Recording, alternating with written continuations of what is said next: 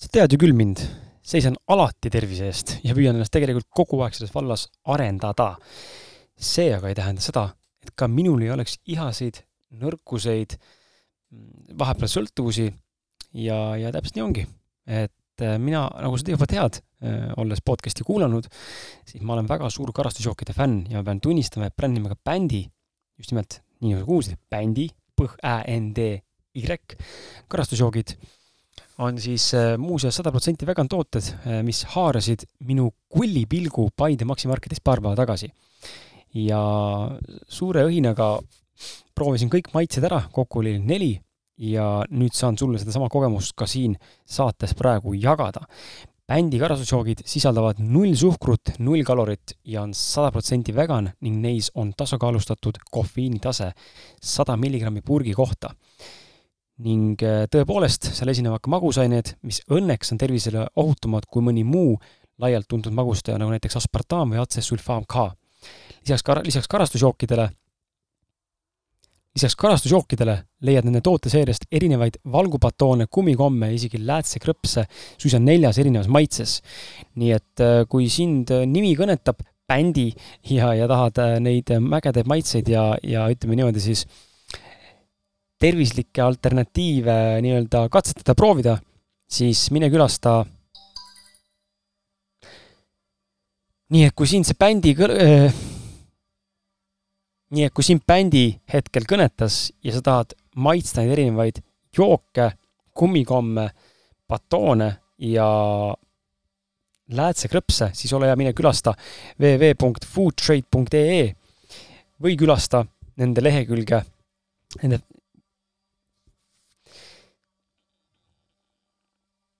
kui siin bändi ja nende tooteseeria, sealhulgas siis karastusjoogid, äh, proteiinibatoonid, läätsekrõpsud ja kummikommid äh, kõnetasid, siis mine hea, ole hea ja mine külasta www.foodtrade.ee või mine külasta nende Facebooki lehekülge Bändi Foods Estonia, kust leiad siis loetelu toidupoodidest, kust nende tooted esindatud on. lisaks veel äh, tahan midagi olulist veel mainida, et minu jaoks on tervis kõige olulisem ning mul on hea meel, et ma olen saanud võimaluse äh, alustada siis äh, käe, alustada koostööd ja lüüa käed Pranamat Eco äh, brändiga, kelle tooted aitavad siis tervist just nimelt edendada. Pranamat Eco massaažimatt on armastatud kogu maailmas juba peaaegu kaksteist aastat, päris pikka aega. ja see peaks olema kõigil, see matt peaks olema reaalselt kõigil, kellel on probleeme lihaspingete, seljavalu ja une kvaliteediga. selle mati omamine annab sulle võimaluse kogeda järgnevaid asju näiteks annab sulle võimaluse kogeda massaaži, mille jaoks ei pea aega planeerima ja mida saab nautida igal ajal, igal pool. annab sulle võimaluse kogeda massaaži, mis peale väsitavat päeva parandab enesetunnet ja annab energiat. annab sulle võimaluse kogeda massaaži, mis leevendab valu ja pinget, samuti annab sulle võimaluse kogeda massaaži, mida võib ühendada teiste tegevustega, et ei peaks selleks oma vaba aega kulutama ja samuti on võimalik sellega kogeda jäädavalt massaaži, mille eest ei pea iga kord maksma, kuid mida võib lubada endale palju aastaid alati, kui te soovite. ja Pranamaid Eco tooted on valmistanud Baltikumis käsid siis sertifitseeritud kõrge kvaliteediga ökoloogilistest materjalidest. ostuga kaasneb toodetele viieaastane garantii ning kolmekümnepäevane tagastusõigus, et saaksite veenduda selle kasulikkuses. kaotada pole suurt midagi sul, seega kui sind see matt, massaažimatt ja, ja Pranamatt Eco bränd kõnetas ja otsid endale massaažisõpra, siis külasta pranamatt.ee ning kasuta parima hinna saamiseks sooduskoodi ausad mehed. ilusat kuulamist sulle!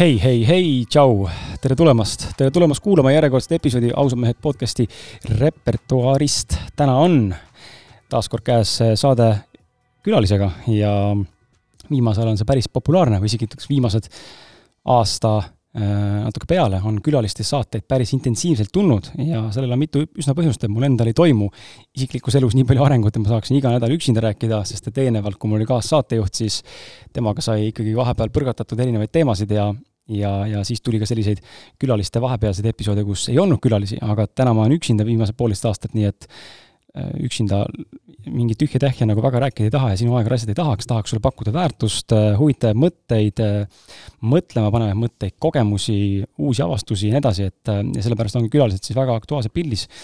Lähme ka tänase saate juurde, sest tänane saade on ka väga huvitav mul on külas täna härra mees, kellega ma olen põgusalt kokku puutunud tööalaselt, ütleme aasta tagasi, kui ma töötasin ühes agentuuris ja ja, ja seal nagu siis emaili vahendusel rohkem suheldes ja, ja ühe korra õnnestus ka teda kuulata, kui ta käis meil külas rääkimas sellist motivatsioonikõne andmas või inspiratsioonikõne andmas ja mulle väga haakus.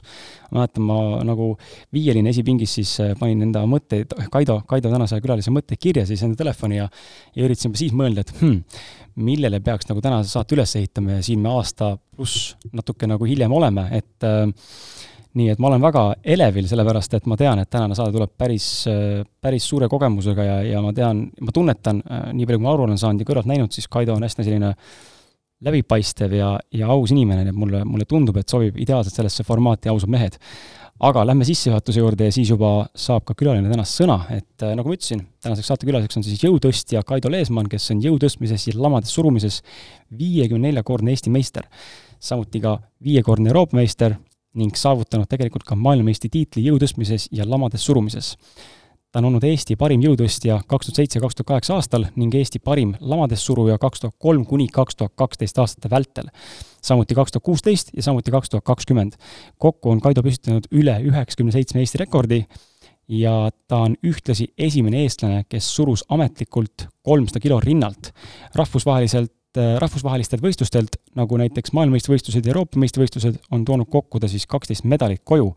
aasta kaks tuhat üheksateist suvel saavutaski Kaido siis üle viiekümneaastaste äh, võistlusklassis jõutõstmises maailmameistritiitli talle kuulub ühtlasi ka kehtiv Eesti ja Baltikumi absoluutne lamades surumise rekord, milleks on kolmsada kakskümmend viis kilogrammi. ma ei kujuta ette, mida tuleb teha selleks, et üles suruda, sellest täna räägime ka, loomulikult see ei olegi nii võib-olla ühe, ühe nagu näpunäitega tehtav äh, sooritus.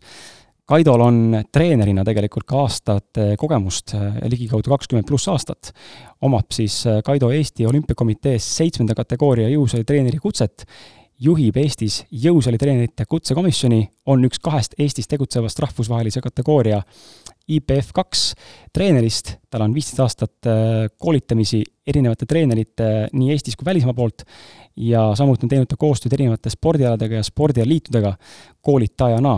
Ja õpilased, kes on siis Kaidol olnud, on tulnud nii Euroopa kui ka maailmameistriteks ja hämmastavaks faktiks on asjaolu, et lausa üle neljakümne õpilase on tulnud tema all, tema käe all siis Eesti meistriteks ja lisaks sellele on Kaido veel kahekümne kuuekordne Eesti meister kabes, nii et äh, sellise väikse või siis üsnagi faktipõhise sissejuhatusega, tšau, Kaido! tere! väga vahva, et sa lõpuks siin oled. Ähm, ma loodan, et sa oled sama põnev, kui mina olen. olen, olen, ootasin seda aega kohe. väga hea, et äh, vaatame seda resümeed, eks ole, saavutusi siis äh, esiteks tekib küsimus, nii nagu mõnegi teise inimese puhul, et kuidas on võimalik selliseid asju saavutada, äh, nii palju asju saavutada. Äh, kohati tundub nagu, et seda on üle mõistuse palju. Äh, ma mäletan, kui Saski Alusaluga kunagi suhtlesin või kuidagi sattusin rääkima, siis kuskilt tuli välja ka tema mingite rekordite arv, mis ta on saavutanud oma valdkonnas ja see oli ka meeletu. vaadates inimese vanust, siis tekkis küsimus nagu, et mis, mis, mis, mis valemiga see võimalik on. ja võib-olla siin ei olegi niimoodi, et iga aasta siis on Eesti meistrivõistlused, võib-olla need toimuvad hoopis tihedamini mingites valdkondades, ma seda ei tea, on ju, aga täna saame rääkida sellest. aga tundub, et noh, küsimegi selles, et siin on, sa oled saavutanud viiekord, viiekümne neljakordne Eesti meister. täna su vanus on peaaegu et sama. Ma olen natuke noorem, aga sul on täiesti õigus. Äh, aastaid tagasi mind kutsuti Lauatennise Liidu poolt ühte koolitust läbi viima ja öeldi ka, et sealt tuleb viiskümmend pluss äh, korda Eesti meistriks tulnud mees ja ja kuna seal oli palju lapsi ja noori, siis nad kõik olid natukene hirmul, et tuleb üks kaheksakümneaastane mees sinna ilmselt ja et see niimoodi ongi seekord, et, et aga aga kuidas need tiitlid siis kogunevad, on tegelikult ähm, on erinevad võistlused, on äh, näiteks, kui sa mõtled ujumises, eks ju, või kergejõustikus mitmekordseks Eesti meistriks ma võin tulla ühtedel Eesti meistrivõistlustel. noh, ma pakun välja, et ujumises võid seal oma kümme tiitlit korraga -hmm. võtta ühe võistlusega, on seal sada, kakssada, nelisada teateujumised, eh, liblikas, selili, rinuli, paned seal igatpidi. natuke sama on ka jõu tõstmises, on kaks asja on seal. nagu sa lugesid ka, et on olemas jõu tõstmine mm. -hmm. ja jõu tõstmise alla kuulub ka lamades surumine kui eraldi spordiala, kuna ta lihtsalt on nii populaarne jõusaali harjutus. Ja sealt need tiitlid kogunevad ja seal on võistkondlikke tiitleid, seal on absoluutseid tiitleid, seal on keha, kehakaalu kategooria võite ja ja eks nad niimoodi on, eks ma kunagi mõtlesin, et kui ma kümme tiitlit kokku saan, et võib-olla siis on tegelikult väga äge, eks ju, ja siis hakkasin mõtlema, et äkki kolmkümmend ja äkki teeks ikka nelikümmend ka ära ja, ja niimoodi vaikselt nagu kasvas ja kasvas ja ega sa ei oska ju lõpetada ka, tead. Ahnus tuleb äh, on, on, tegelikult see käib niimoodi, et see on, võib-olla käib see sportlase natuuriga kaasas, et aga sa tahad veel, et kui sa oled teinud ühe rekordi, siis noh, ma ei tea niisugust sportlast, kes ütleks, et ühesõnaga jaa, täpselt, et ühesõnaga nüüd läks koju, et paneme ikka edasi see paneb mõtlema nagu, mind tekib küsimus juurde, et kui ma eeldan täna, eh, ma eeldan täna eh, ja ma võin praegu eksida, aga ma eeldan, et eh, kindlasti minu kuulajate seast väga paljud ei ole kursis, mis on jõu tõstmine üldse.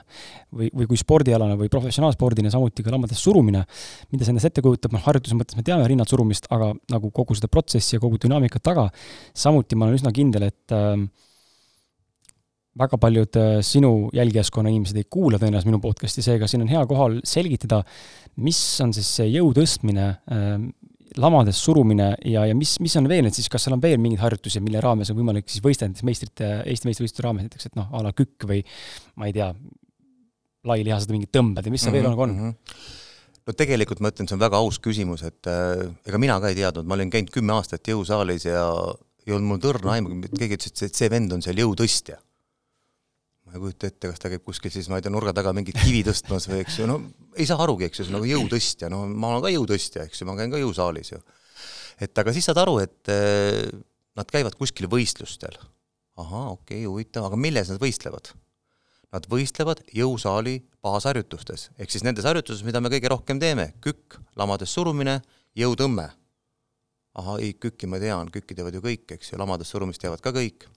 see jõutõmme on ka eraldi harjutus. ja nüüd ongi olemas kaks niisugust distsipliini, milles nagu võrreldakse ja on siis, on lamades surumine kui üksikala, lihtsalt ongi Eesti meistrivõistlused lamades surumises, ja siis on Eesti meistrivõistlused jõu tõstmises, kus on siis kükk, lamades surumine ja jõutõmme, kõik jõusaali harjutused. see on siis nagu ühe, ühe, kolme harjutuse pealt koosnev ühine arv, nagu arvestus? summa jah, tuleb okay. sealt nagu kokku.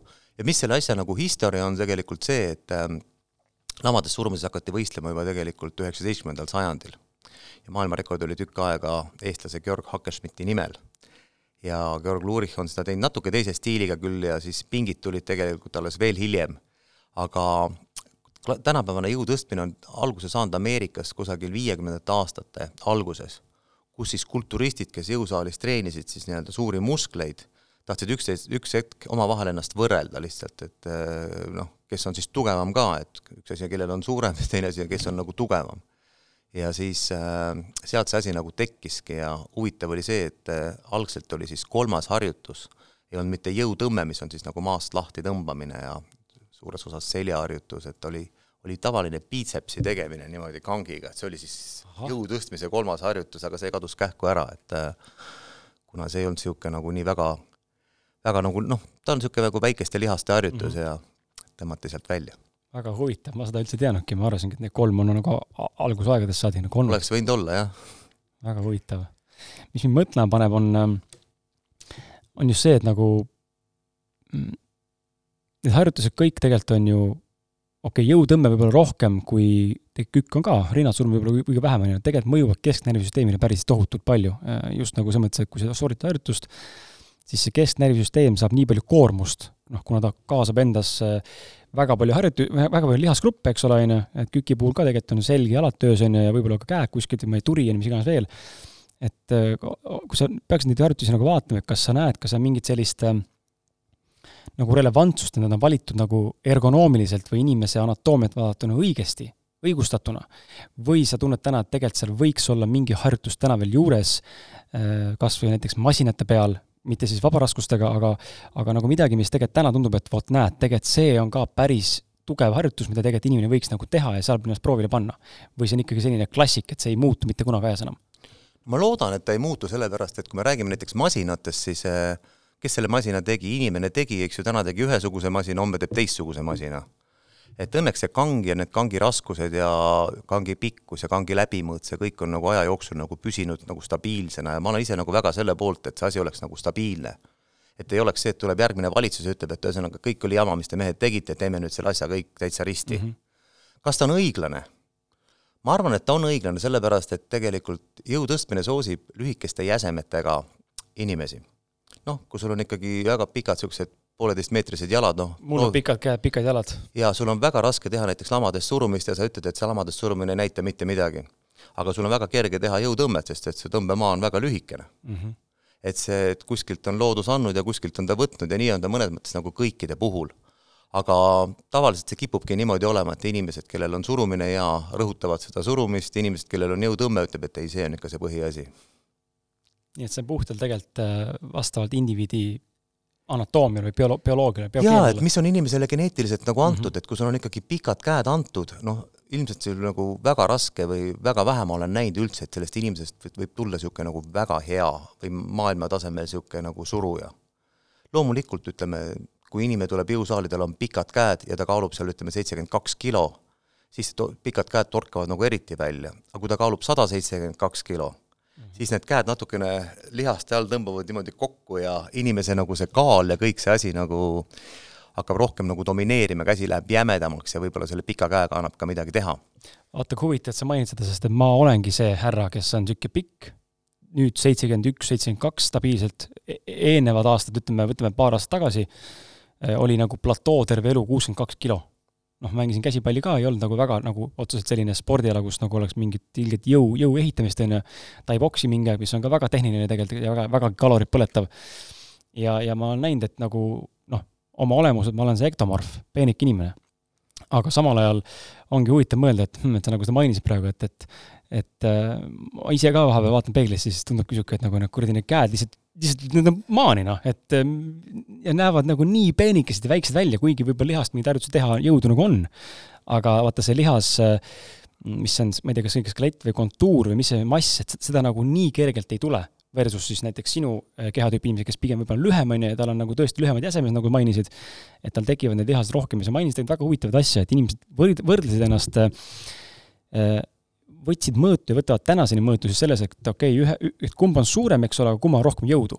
Äh, me räägime siis suurusest kui keha nagu äh, lihastest, nii-öelda nagu välistest lihastest, aga siis seesmised, kuidas nad funktsioneerivad, on ju, et äh, mis sa nagu siinkohal vaatad, kumb, kas see on siis relevantne või, et mida suurem on lihas, seda tugevam on inimene, sest et suur lihas ju tegelikult on võimeline rohkem töötama või, või see ei vasta tõele? ei, see ikkagi vastab tõele ja see on ikkagi noh, selleks on ka jõu tõstmises olemas kaalukategooriad mina kaalun, täna kaalun sada neli kilo kopikatega, olen tippaegadel kaalunud, võistluskaal oli mul sada kolmkümmend kuus pool, sada kolmkümmend neli pool. noh, mõttetu on tulla sinuga hakata ennast võrdlema, et kuule, Kris, räägi, palju sa surud siis mm. -hmm. kuule, mul on sinust poole raskem. Mida ma siin, selles mõttes, suur mees peab ikka ennast suurte meestega võrdlema, sajakilone peab ennast sajakilostega võrdlema, kaheksakümnekilone võrdleb ennast kaheksakümne kilostega. et see tegelikult on, peab olema nagu noh, näiteks ka võitluskunstides on ju kaalukategooriad selleks mm. -hmm. et eh, see käibki niimoodi tegelikult vastavalt ja ei ole mõtet ennast panna kõrvuti mehega, kes on sinust kaks korda raskem või mehega, kes on sinust poole lühem, eks ju. et äh, igaüks peab ikkagi endasugustega ennast võrdlema ja see minu arust oleks nagu aus ja see ongi nagu spordi põhimõte. aga ometi, kui me vaatame jälle võin eksida, mulle tundub iseennast vaadatuna ka, et ometi me ikkagi võrdleme ennast väga tihti, eh, kas või jõusaalis, eks ole, ma tulen noh, oletame, tulen röövalsporti, on ju, seal, kus sa ennast oled treeninud, on ju, näen sind selle no grupiga, on ju, ma siin panen, ma ei tea, algajana ja võib-olla ka jõuetuna, on ju, panen siis rinnad surumispingile sinna viiskümmend, kuuskümmend kilo peale, on ju, ja nüüd teen seal mingi paar kordust, on ju, siis vaatan, et te panete seal kolm sotti, on ju. tekib kohe see tunne, et aga, mm, aga ma olen siis nagu sita häda, et nagu mis mul viga on, on ju saades samal ajal ise intellektuaalselt aru, et seal ongi erinev trennitavustase ta-, tagataustal, on ju, muidugi ka mingid distsipliinid, harjumused, on ju, aastatepikkune töö, aga ikkagi sa kipud ennast võrdlema inimestega, kes tegelikult ei ole sinu nii-öelda kaalukategoorias või sinu nii-öelda kehatüübis. absoluutselt, aga ma ütlen ausalt, et kõik me oleme tulnud kunagi jõusaali, vaadanud kellegi peale ja mõelnud võib-olla oma südames, et ma ei tea, ma tahan olla ka temasugune, ma tahan olla vähemalt sama tugev, et äh, ja mingi hetk sa avastad, et kui sa järjepidevalt teed trenni, kui sa pühendud sellele, nii nagu need kolmesaja vennad pühenduvad, siis sa üks hetk oledki selline. see ongi see, et kui, see on lihtne küsimus, mida endalt peab küsima, et mida ma olen valmis tegema oma unistuse nimel, kas ma tahan seda? teine vend ütleb, et ma käin viis korda nädalas trennis, ütled, et ei, ma üle kahe ei jõua. siis ei jõuagi. siis ei saagi. aga eks ju, ühesõnaga ma arvan seda, et äh, mina olen õppinud aja jooksul väga hindama seda inimest, kes üldse tuleb sinna jõusaali, sellepärast et nendest aegadest, kui mina hakkasin jõusaalis käima, oli see jõusaal niisugune nagu sa ei saanudki sinna, sa pidid sinna tutvuse kaudu saama, keegi pidi sind soovitama, tänapäeval on uksed lahti, mine, tule, tee, me lööme selle hinna ka nii alla veel, et ma võtan sügavalt mütsi maha kõikide inimeste ees, kes kes midagi täna viitsivad teha, et see on tegelikult väga suur asi juba. Mm. -hmm täna on ka ju, ma ei tea, kas sa Jim Eestiga kokku puutunud, aga seal on juba see, et klienditeenindajaid polegi, on ju, kõik on ju puhtalt juba süst-, süsteemid ja automatism, on ju, et kakskümmend neli seitse samamoodi, eks ju, see on maailmas väga levinud niisugune trend, et äh, tule tee, minimeerime selle tööjõukulud ja kõik need asjad, et äh, et teeme niisuguse säästuka. päris huvitav sinu lugu on äh, huvitav ja enne kui lähme nagu selle, mulle väga meeldis, sa mainisid seda ka unistamist ja, ja perearst nagu eesmärk nimel nagu töötamist või siis nii-öelda inglise keeles on hea sõna sacrifice, eesti keeles on siis ohverdus äkki või mm, -hmm. et äh, mis sa oled nagu valmis esile tooma või panustama selleks, et saavutada just iga eesmärgiga kaasneb midagi, mille arvelt see tuleb, on ju, tavaliselt.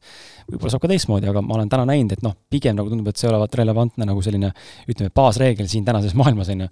et aga, aga lähme sinu nagu, vii nagu põgusale rännakule meid äh,, räägi enda lugu nagu selles mõttes äh, tahaks just nagu aru saada sellest, et äh, kust sinu sporditaust üldse tuleb äh,, kas sa oled alati olnud, äh, ütleme, niisugune jõuline, jõuline inimene, harrastanud äh, jõusporti, raskesporti, mis iganes veel, või on seal toimunud mingid muudatused ja, ja kus sa siis nagu sellega nagu jõudnud oled?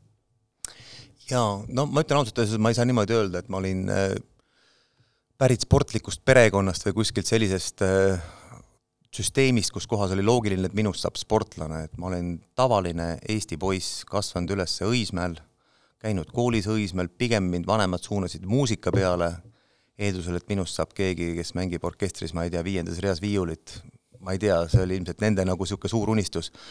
aga ühte ma olen ilmselt tagantjärgi nagu aru saanud, et see, mis on nagu antud mulle kaasa, on antud niisugune nagu võitleja iseloom. seda toodi kehalise kasvatuse tunnis välja ja seda ma sain aru, et seda on mulle nagu antud, aga nagu iga väike laps, ma jooksin mööda trenne ringi. ma käisin, ma ei tea, jalgrattas, mootorrattas, korvpallis, võrkpallis, võitluskunstides, iluuisutamises ja, ja nii edasi noh, iluuisutuses ma loomulikult ise ei läinud, sinna viidi mind. aga ma jooksin ringi ja ma otsisin seda enda oma. ja ei leidnud. sellepärast kõik oli nii huvitav.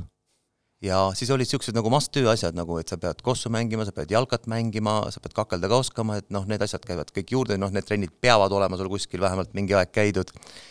kuniks ükskord me lihtsalt sõpradega Õismäe vahel hängisime ja niisugune asi oli Õismäel nagu kabe simultaan see oli see aeg nagu populaarne aasta oli kaheksakümmend, tuhat üheksasada kaheksakümmend kolm siis, ja me lähme sõpradega sinna Kabe simultaanile.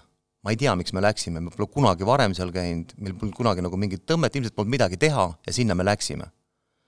ja üks meistrisportlane, mis on tegelikult Kabes nagu väga kõva järk juba, et see on nagu ikkagi Nõukogude Liidu meistrisportlane, oli niisugune nagu ütleme, tegija.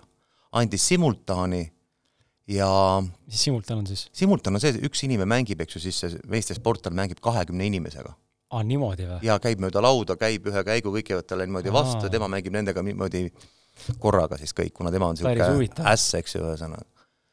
ja mul õnnestus ta võita. ma ei tea siiamaani, kuidas see õnnestus. loomulikult ma olen isaga mänginud, ma olin mänginud kabet kodus ja ja kabe treener vaatas mind ja ma olin siis neljateistaastane, saanud just neljateistaastaseks ja ütles, et äh, kuule, tule trenni. ma ise olin ka natuke pahviks löödud, et mõtlesin, et no aga kabetrenni, halloo, eks ju. et äh, kes see poistest või lastest unistab, et ühesõnaga, et ma lähen kabetrenni ja kus sa ütled selle niimoodi, tead, statement'ina välja kuskile, et kuule, et ma käin kabetrennis ka muideks, eks ju. et aga kuna see võit mind nagu nii tiivustas, siis ma läksin sinna. ja võtsin selle kohe nagu ette ja ma ütlen ausalt, ma olin laste seas seal, ma olin nagu vanaisa. neljateistaastane, sest kõik minu ümber olid seitsme- ja kaheksa-aastased ja ma põhimõtteliselt, minu kabekarjäär algas kaheksakümne kolmandal aastal sellest, et igal võistlusel, et äh, mulle kõik patsutasid õlale, ütlesid, et vot sinusugust venda oleks vaja olnud Eesti kabemaastikule kuus või kaheksa aastat tagasi, siis sust oleks saanud asja. ehk siis ma olin nagu totaalselt justkui nagu hiljaks jäänud. aga see ei tõmmanud mind maha ja te tegelikult andis mulle nagu tuhhi nagu kõvasti juurde, et ma teile teen siin, eks ju, ühesõnaga siin kaheksa-kuus aastat.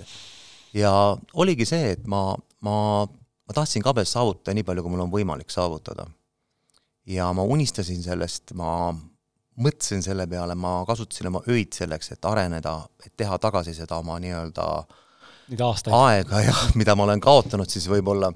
Ja tulingi siis äh, noorteeas veel, ma tulin kaheksateist, seitsmeteistaastaselt tulin esimest korda siis Eesti meeste meistriks ja täitsin ära siis meistrist, Nõukogude Liidu meistrisportlase, mis siis see aeg oli nagu väga kiire ja kõik vaatasid, et kuule, et näed, vaata, sa oled noor ja sul on juba see käes, eks ju, tavaliselt seda tehakse kümme aastat hiljem, seda seda nii-öelda seda meistrijärku Nõukogude Liidu meistrisportlast, et äh, siis ma sain nagu aru, et ma ei pea nagu kuulama alati neid inimesi, kes tulevad ja käivad, ütlevad sulle, et sa oled hiljaks jäänud või tegelikult jah, et sa ei ole ikka see inimene, et aga vaata seda seal. minu kõrval on väga palju olnud igasuguseid andekaid inimesi, kes ma arvan, on minust olnud palju andekamad. aga anne on väga oluline asi, aga see ei ole ainuke asi. Võtan siis sellest, sellest samast viimasest lausest kinni, et anne on väga oluline, aga see pole ainuke asi, ma olen ka hakanud aru saama oma elus, et äh, üks asi on see, mis on su kaasasündinud loomupärane anne, aga sellest ei piisa, äh, kui sa ise tööd sisse ei pane. sest teisalt võib olla inimene, kes on väga töökas ja teeb sellele andele nii-öelda mingi aeg ära, on ju, et äh, kas sa nagu siinkohal siis saad nagu siin kinnitada sedasama, mis ma just ütlesin ka, et et andest olulisem on siis ikkagi see tööjõuvõime, see töökus. Just, ja teine asi, ma mõtlen, see noh, anne on tegelikult, ta on kindlasti nagu oluline ja kas või see, et kui me räägime siin mingisugusest geneetilisest poolest, et kas sa oled geneetiliselt andekas, sellepärast et kui sa ei ole geneetiliselt andekas, sa pead tegema neli korda rohkem tööd kui võib-olla mina või keegi teine, eks ju, noh, ma ei pea ennast ka geneetiliselt nagu väga andekaks. aga jah, minu ütleme nagu number üks asi, mida ma nagu sportlaste puhul vaatan, jälgin ja kindlasti ka rõhutan, on inimese karakter. Inimese karakter, karakter on see, mis tegelikult näitab ära, et mis selle inimese lagi nagu on. mitte et see, kui andekas ta on. sest ilmselt sa isegi oled näinud seda, et kuskil inimene on kaheteist või kümneaastaselt, ta on nagu nii andekas, et kõik mõtlevad, et see vend jõuab mm. -hmm. kuueteistaastaselt kasvavad teised talle järgi, jõuavad ja siis tegelikult äh, sõltub see, mis ta oma selle andega nüüd edasi teeb.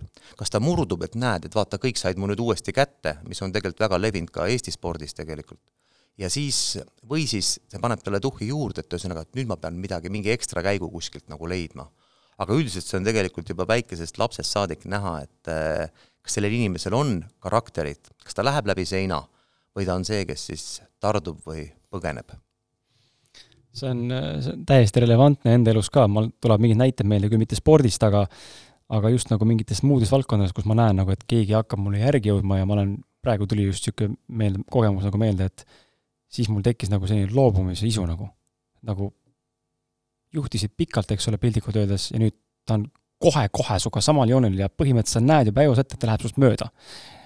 ja siis tekib niisugune nagu stagnatsioon või selline tunne nagu, et ah ma ei viitsigi siis, mõttetu nagu. et nüüd on, nüüd ongi kõik, ma olen kaotanud, ma ei ole piisavalt hea järelikult, et ma olen kuskil teinud nagu vea, on ju. et see on hästi huvitav, kuidas see töötab, et ma ei ole nüüd äh,, ei oska nagu võrdlusena tuua nagu teist, kus ma oleks hakanud rohkem pingutama, võib-olla podcast on sama aastik, ma ei tea, aga tuli jah, kuidagi töökogemusena meelde, et ma olen ise seda, seda kogenud, kuidas nagu tahaks loobuda, sest et keegi jõudis järgi. aga viime sama paralleeli näiteks, ma ei tea, muusikasse mm. -hmm inimene, eks ju, on väga andekas muusik, ta juba kuueaastaselt tegi seda, teist ja kolmandat, käis konkursitel, võitis ja, ja kõik ütlesid, et ühesõnaga, siit tuleb. nüüd, viieteistaastaselt, keegi jõuab lihtsalt töökusega talle järgi. mida sa teed? kas sa paned juurde või sa lihtsalt mõtledki, et noh, ma õpin siin veel ühe pilli juurde, eks ju, ühesõnaga, võib-olla ma olen siis nagu niisugune nagu multivend, eks ju, ühesõnaga, et teen kümmet asja ja näed, see vend ei oska üldse akordionit mängida või seal, ma ei tea, nupuakordionit või mida iganes seal. et aga, et see ongi see, et mida sa teed sellisel hetkel. ja see on noh, ma näen, et see on tegelikult väga paljudele sportlastele, inimestele üldse niisugune nagu murdumiskoht. et sa, sa lihtsalt nagu tardud, sa lööd käega, sul tekivad niisugused loobumismõtted, sa lihtsalt ei suuda selle asjaga nagu elada, et, et kust ta nüüd tuli siia. See on ka minu enda spordis olnud niisugune nagu periood, kus kohas ma olin päris keerulises seisus, kui ma nägin ühte niisugust nagu ütleme, ütleme Pot. potentsiaalset uh, uut nii-öelda võitlejat, võistlejat siis, jah? see oli niimoodi tegelikult, et ma olin jõutõstmises juba algselt nagu niisugune nagu suht tegija, aga ma hakkasin vaatama, et mingisugused Lasnamäe venelased tulid nagu suurte sammudega mulle järgi. ja loomulikult ma sain ka peale vaadates aru, et nad panevad kõik kemmi mm. -hmm. Ja mul tekkis niisugune mõte, et äh, ma ei mõtelnud alla anda paneks ka jaa, tekkiski täpselt selline mõte, et ühesõnaga läksin isegi saidile, uurisin välja, et ühesõnaga, kust midagi osta saab, kus midagi teha saab, ma näitan neile ükskord. ma panen need vennad nii paika, eks ju, mhm. ühesõnaga, et seal mitte keegi ei liiguta enam. ükskord loomulikult. ma sain aru, et see ei ole nagu õige teha, see on reeglite vastu, noh, need vennad läksid ka reeglite vastu, leidsin endale niisuguse sisemise õigustuse väikse ja ütlesin, nüüd ma teen selle ära neile. aga ma ei teinud seda. ja mis peatas, mis takistas? ma arvan ausalt öeldes, et mul endal see hetk ei olnud jõudu ei öelda. sellepärast, et ma olin sellest äh, sportlikust vihast nii pime lihtsalt. aga õnneks oli mu kõrval tark inimene, kellega ma koos treenisin, kes juhendas mind ja kellele ma läksin siis oma suure masterplaaniga sinna, ütlesin, et äh, vaata, näed, see on see, mis ma nagu leidsin ja siis ta ütles mulle, ära tee seda. no loomulikult ma ei kuulanud seda, ära, ära tee, ära tee, eks ju, ma saan aru, et ära tee, ma saan ise ka aru, et ma ei peaks tegema seda. Aga ma ükskord teen ja ükskord näitan, ta ütles, et tead sa mida, kui sa ükskord teed seda, sa ei saa mitte kunagi öelda, mitte kusagil öelda, et sa pole seda kunagi teinud mm. -hmm. sa tegelikult rikud ära mingisuguse asja, eks ju, just oma selle pimeda viha ajendil, eks ju nüüd. ja ma ütlen ausalt, et nädalaga see asi taandus, ta ütles mulle veel niisuguse huvitava lause, et pane tähele, kolme-nelja aasta pärast neid vendi pole kedagi pildis. ja täpselt niimoodi läks. kadunud. väga huvitav. See nagu toob, viib mu nagu tähelepanu ja, ja, ja küsimusi just tegelikult natuke nagu tagasi haakides nagu sellesama kabe, kabe nagu näitega, et äh, ma näitan seda, et ma teen selle kaheksa aastat nii-öelda tasa, on ju, mis justkui mul puudu oli noh, mis tegelikult ei vastanud tõele, aga, aga see mõlemast nagu näitest on, õhkub sellist äh, nagu tõestamisvajadust. Ja ma ise täna olen tugevalt sellega seotud ja, ja ma näen, et ma üritan seda viimased poolteist aastat nagu tegeleda, meeletu tõestamisvajadus, meeletu tähelepanuvajadus, meeletu tunnustusvajadus välistes nagu saada, isegi kui ma selle, ma arvan, saaksin, kõik vastutab õlale mulle, on ju, isa või kes iganes, siis mulle, ma täna nagu tajun, et tegelikult see ei lahendaks mitte midagi. Aga ma ikkagi otsin seda meeletult, seda nagu tahaks nagu, mul on ka seda, seda sisemist viha ja ängi on nii palju vahepeal mingis asjades, et kurat, perse, ma tulen näitan, vaata, et kõik vennad on vait, mind ei huvita, on ju. Et panen kõik loobuma, nagu sa ütlesid ka, on ju.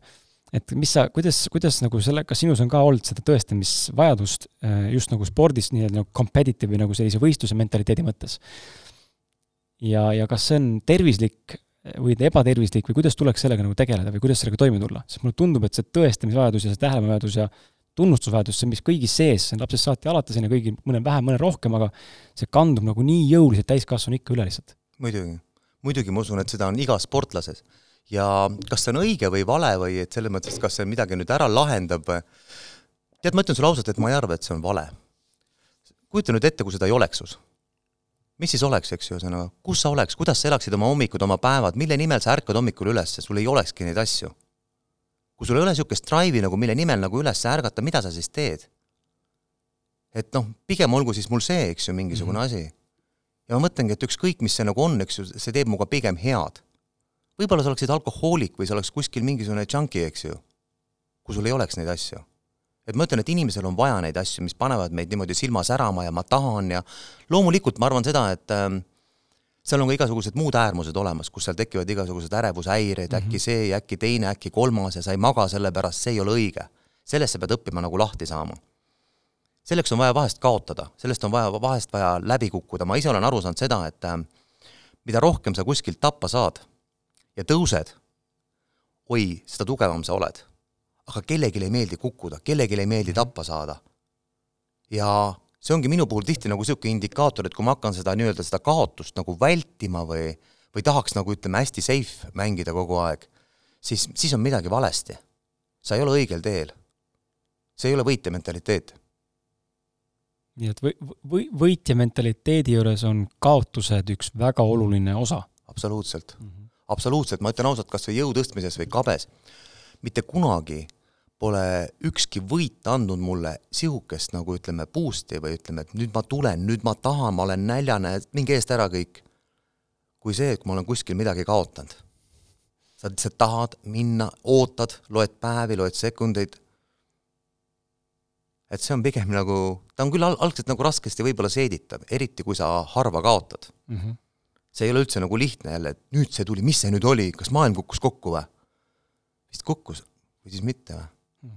hakkad niimoodi vaikselt seal uuesti, uuesti üles ronima, hingama uuesti jälle, elama, mõtlema see on hea, et sa selle nagu näite tood, et see kukkumine just läbi spordi, et vaata ettevõtluses ja elus üldse öeldakse, et mida rohkem sa äh, vigu teed ja nii-öelda läbi nagu põled või läbi kukud, seda, seda rohkem sa tegelikult kogemust, seda kiiremini jõuad edasi, on ju, spordis tegelikult ka, mida rohkem sa kaotad, no nüüd võib-olla on vaja ka olla nagu selles mõttes teadlik, et õppida märkama, mis toimub sinu sees, kui sa selle kaotad, ju, kui sa ise kogu aeg kaotad ja sellest välja ei tee, siis võib-olla tõesti midagi ei muutu, aga just see, et tekib see drive ja iha, iha ja tahe nagu tulla nagu vägevamalt ja võimsamalt uuesti tagasi. no kabe oli selles mõttes nagu ideaalne treening, sellepärast et kabes sa pead ju analüüsima iga partii otsast lõpuni läbi. mida ma tegin valesti? mida ma tegin õigesti? ja kui sa nagu ei analüüsi seda, siis on, ongi täpselt nii, nagu sa räägid, et äh, siis polegi vahet, kaotan järgmine kord samamoodi, sest sa mingeid järeldusi nagu ei teinud sellest ju.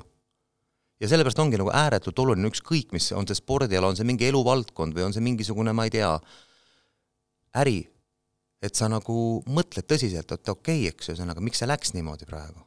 plaan oli teine ju.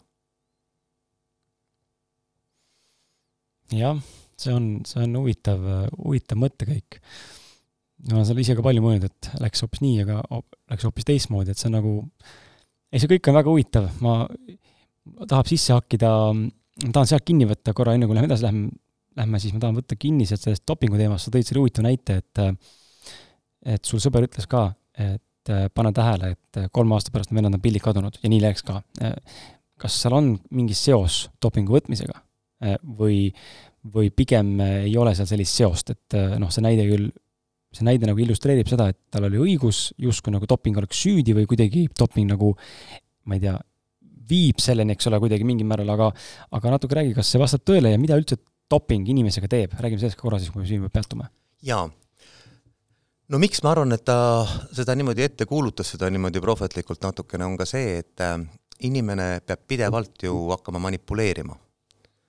olema valmis, et ma annan kuskil positiivse proovi, tulema võistlustele, kõik saavad aru, kui sa oled seal kärnas või su silmad ei seisa lahti, eks ju, ja ja siis nagu tekib inimesel niisugune mentaalne tõrge, et ühesõnaga, et kaua ma jaksan niimoodi. kaua ma jaksan petta, kaua ma jaksan varastada, kaua ma jaksan noh, lõpuks ta leiab mingisuguse muu väljundi, et ah, ma lähen parem kuskile sinna keldrisaali, eks ju, olen mm -hmm. seal kunn ja keegi ei tule mu käest midagi küsima ja ja ta taandub tihti ise. või siis otsib endale sellise väljundi, kus kohas ta saaks seda asja teha niimoodi, et keegi ta käest midagi nagu ei nõua et ma arvan, et see, see on selle dopingu puhul, aga kust doping üldse nagu pärit on või miks ta üldse nagu täna spordis on aktiivne, siis tegelikult doping tuleb, äh, on jõudnud meieni läbi meditsiini ja eriti läbi sõjategevuste, kus kohas inimestel olid operatsioonid ja inimesed viidi rindelt hospidali, oli vaja hospidalist kiiresti rindele tagasi saata, sellepärast et äh, mehi on ju vaja ja ja on vaja kuidagi forsseerida midagi organismi sees, et see teeks kiiremini oma töö ära ja nüüd see kiirem tee on kandunud üle nagu sporti, et niisugused nagu otseteed ja et äh, võtame ja teeme ja ja proovime ja meditsiin on taga ja seda on väga ammu proovitud ja ma usun, et seda tehakse täna ka ütleme tipptasemel meditsiiniliste meeskondadega, nagu me oleme vahest ka meediast siit kuskilt läbi lugenud, et aga aga ma olen ise nagu sada protsenti veendunud seda, et niisugused kiirteed äh, ei tee meiega head ja siinkohal me räägime kiirteest siis mitte ainult spordist, vaid üleüldse elus ka, et quick fix ei ole nii-öelda lahendus siis? ma ei usu sellepärast, et äh, vot see on sama asi, et kui me jõuame tagasi selleni, et äh, et äh, kui su karakter ei kasva järgi, noh, ma toon näiteks seda, et kui sa said näiteks kähku, said rikkaks, mis see teeb suga? see võib-olla paneb sind ohtralt kulutama, see paneb ennast sind ära tõusma, see paneb sind kuidagi hoopis teistmoodi käituma kõikide suhtes. sa oled nüüd teine mees. sul on staatus aga su iseloom, su karakter ei ole kasvanud nagu järgi ja ma ütlen, kunagi lapsena ma ei saanud aru, kui ma loen, et Inglise kuninglikus suguvõsas saadetakse kõik mehed sõjakooli ja peavad isegi mingis aktiivses lahingutegevuses kusagil olema, et miks, et nad ei pea ju seda tegema kõike, aga ju nad olid siis aastasadade jooksul aru saanud seda, et kui ta istub ainult seal palees ja mängib koeraga, et ega seal noh, midagi head ei tule sellest. see on jah, hea, hea nagu näide, et et ilmselt ei tuleks sealt midagi head jah, et sealt, sealt ilmselt juhti nagu selles mõttes ei kasva või nagu ei, mingid valitsejad. või mingit ka niisugust nagu eeskuju või mm -hmm. inimene, kes suudaks mingisugust pressingut äh, handle ida natukene või et äh, sa murdud ju. ühesõnaga sa võid selle koera jälle ära saata, inimest sa ei saada ära või probleemi mm -hmm. sa ei saada ära niimoodi, eks ju. kabet mängisid sa kui kaua? Tead, ma mängin kabet siiamaani vahest okay., aga ma ei mängi seda enam, kaks tuhat kaksteist ma täitsin kabes ära kõige suurema tiitli, mis on võimalik saada, see on rahvusvaheline suurmeister. ahah, ja see, see oli ka läbi võistluse, ma eeldan siis? ikka, ikka, läbi võistluste ja kuigi ma olin, siis olin juba aktiivsest äh, kabest nagu taandunud, aga, aga ütleme, see tiitel või ütleme, see järk oli vaja ära täita, ma hakkasin seda järku täitma üheksakümne kolmandal aastal. arvestusega, et see võtab mul aega kaks-kolm aastat. ta võttis mul peaaegu kakskümmend aastat aega. miks äh, nii suur vahe? Tead, ma ütlen ausalt, et põhiasi, miks see vahe nii suur on, esiteks ma natukene ülehindasin ennast, teiseks reeglid muutusid mm. et enne pidi võib-olla üks kord ära täitma selle, nüüd pidi neli korda ära täitma mm. kohustuslik partiide arv, et ühesõnaga, et see läks minu jaoks juba niigi nagu niisuguseks nagu pikaks. et äh, aga jah, aga ma mõtlesin ka, et ma olen nagu niisugune koer, et ma ei lase seda konti suust lahti, et ühesõnaga, kui sa hakkasid seda tegema, siis tee seda lõpuni. pured, pured tükki pured lõpuni välja selle aga kuidas see nagu tiitel antakse, et seal on siis mingisugused, ütleme, ri-, riigiti nagu tippkabetajad tulevad kokku või kuidas seda nagu siis võistlust nagu korraldatakse, et mille alusel sa sinna pääsed või kuidas üldse sinna saab? seal on mitu kriteeriumit, esiteks su koefitsient peab olema, rahvusvaheline koefitsient peab olema vastavas kõrguses. ta ei tohi alla sellest kukkuda. ehk siis sa pead väga tõsiselt valima, et kus sa mängid, kus sa ei mängi, sellepärast et see koefitsient on üks kriteeriumi. Sul peab olema vähemalt nelikümmend partiid mängitud niisugustel tipp-tipp-tippvõistlustel, väga tippvastastega, koguma neid partiisid, see tähendab kuskil viis turniiri. siis äh, ja siis, äh, mis seal veel oli, aa, et erinevad turniirid peavad olema ka veel, et ja siis on rahvusvaheline komisjon, kes kõik vaatab, kas see on adekvaatne või mitte ja siis ta omistab selle sulle, kui omistab. päris huvitav, jah, see on alati huvitav kuulda mingitest valdkondadest või nagu sektorites, kus ise mitte kunagi olnud ei ole, ilmselt ei satu ka tõenäoliselt noh, niimoodi kunagi nagu garanteerida ei saa, eks ole, aga, aga vaadatuna siis tundub, et sinna ei jõua, on ju, et mismoodi need nagu dünaamikad töötavad. see on väga huvitav, aga tuleme nüüd siis äh, sellest kabe lõpuperioodist, ütleme selle, ütleme siis kabe äh, ütleme, muutuse hetkest, kus hakkas tekkima siis huvi jõutõstmise ja spordi vastu, füüsilise nii-öelda siis nagu tegutsemise vastu, mitte kabe ei oleks sport, aga aga just, et kuidas, mis, millal see nagu ajend tekkis ja, ja kuidas toimus ka äkki lahtilaskmine kabest nagu selles mõttes kui eesmärgist või, või nii-öelda nagu oma, oma tolleaegsest mingisugusest elutööst, sest mulle tundub, et meil on väga raske täna äh, lahti lasta, tegelikult sinuga saame lahtilaskmisest veel rääkida, kohe siin sellest äh, liidu äh, presidendist olemisest, on ju, et aga lahtilaskmisest oma eelnevast staatusest või eelnevast suurkogemusest või eelnevatest saavutustest, et äh, kuidagi lähme sujuvalt siia. no kabe ei ole kunagi olnud mu elus niisugune ainudomineeriv spordiala, jah, see oli võib-olla see, mille eest ma sain raha, see oli see, millest ma sain Nõukogude Liidus talonge ja kõike niisuguseid eluks vajalikku noorele inimesele, et aga aga ma olen paralleelselt teinud erinevaid spordialasid. ja siis oligi minu, ütleme, number kaks spordiala oli kogu aeg kick-poksing, mida ma siis tegin, millele käis kaasas ka jõusaal, kus ma käin siis aastast kaheksakümmend neli, ehk praktiliselt siis, kui ma hakkasin ka kabet tegema.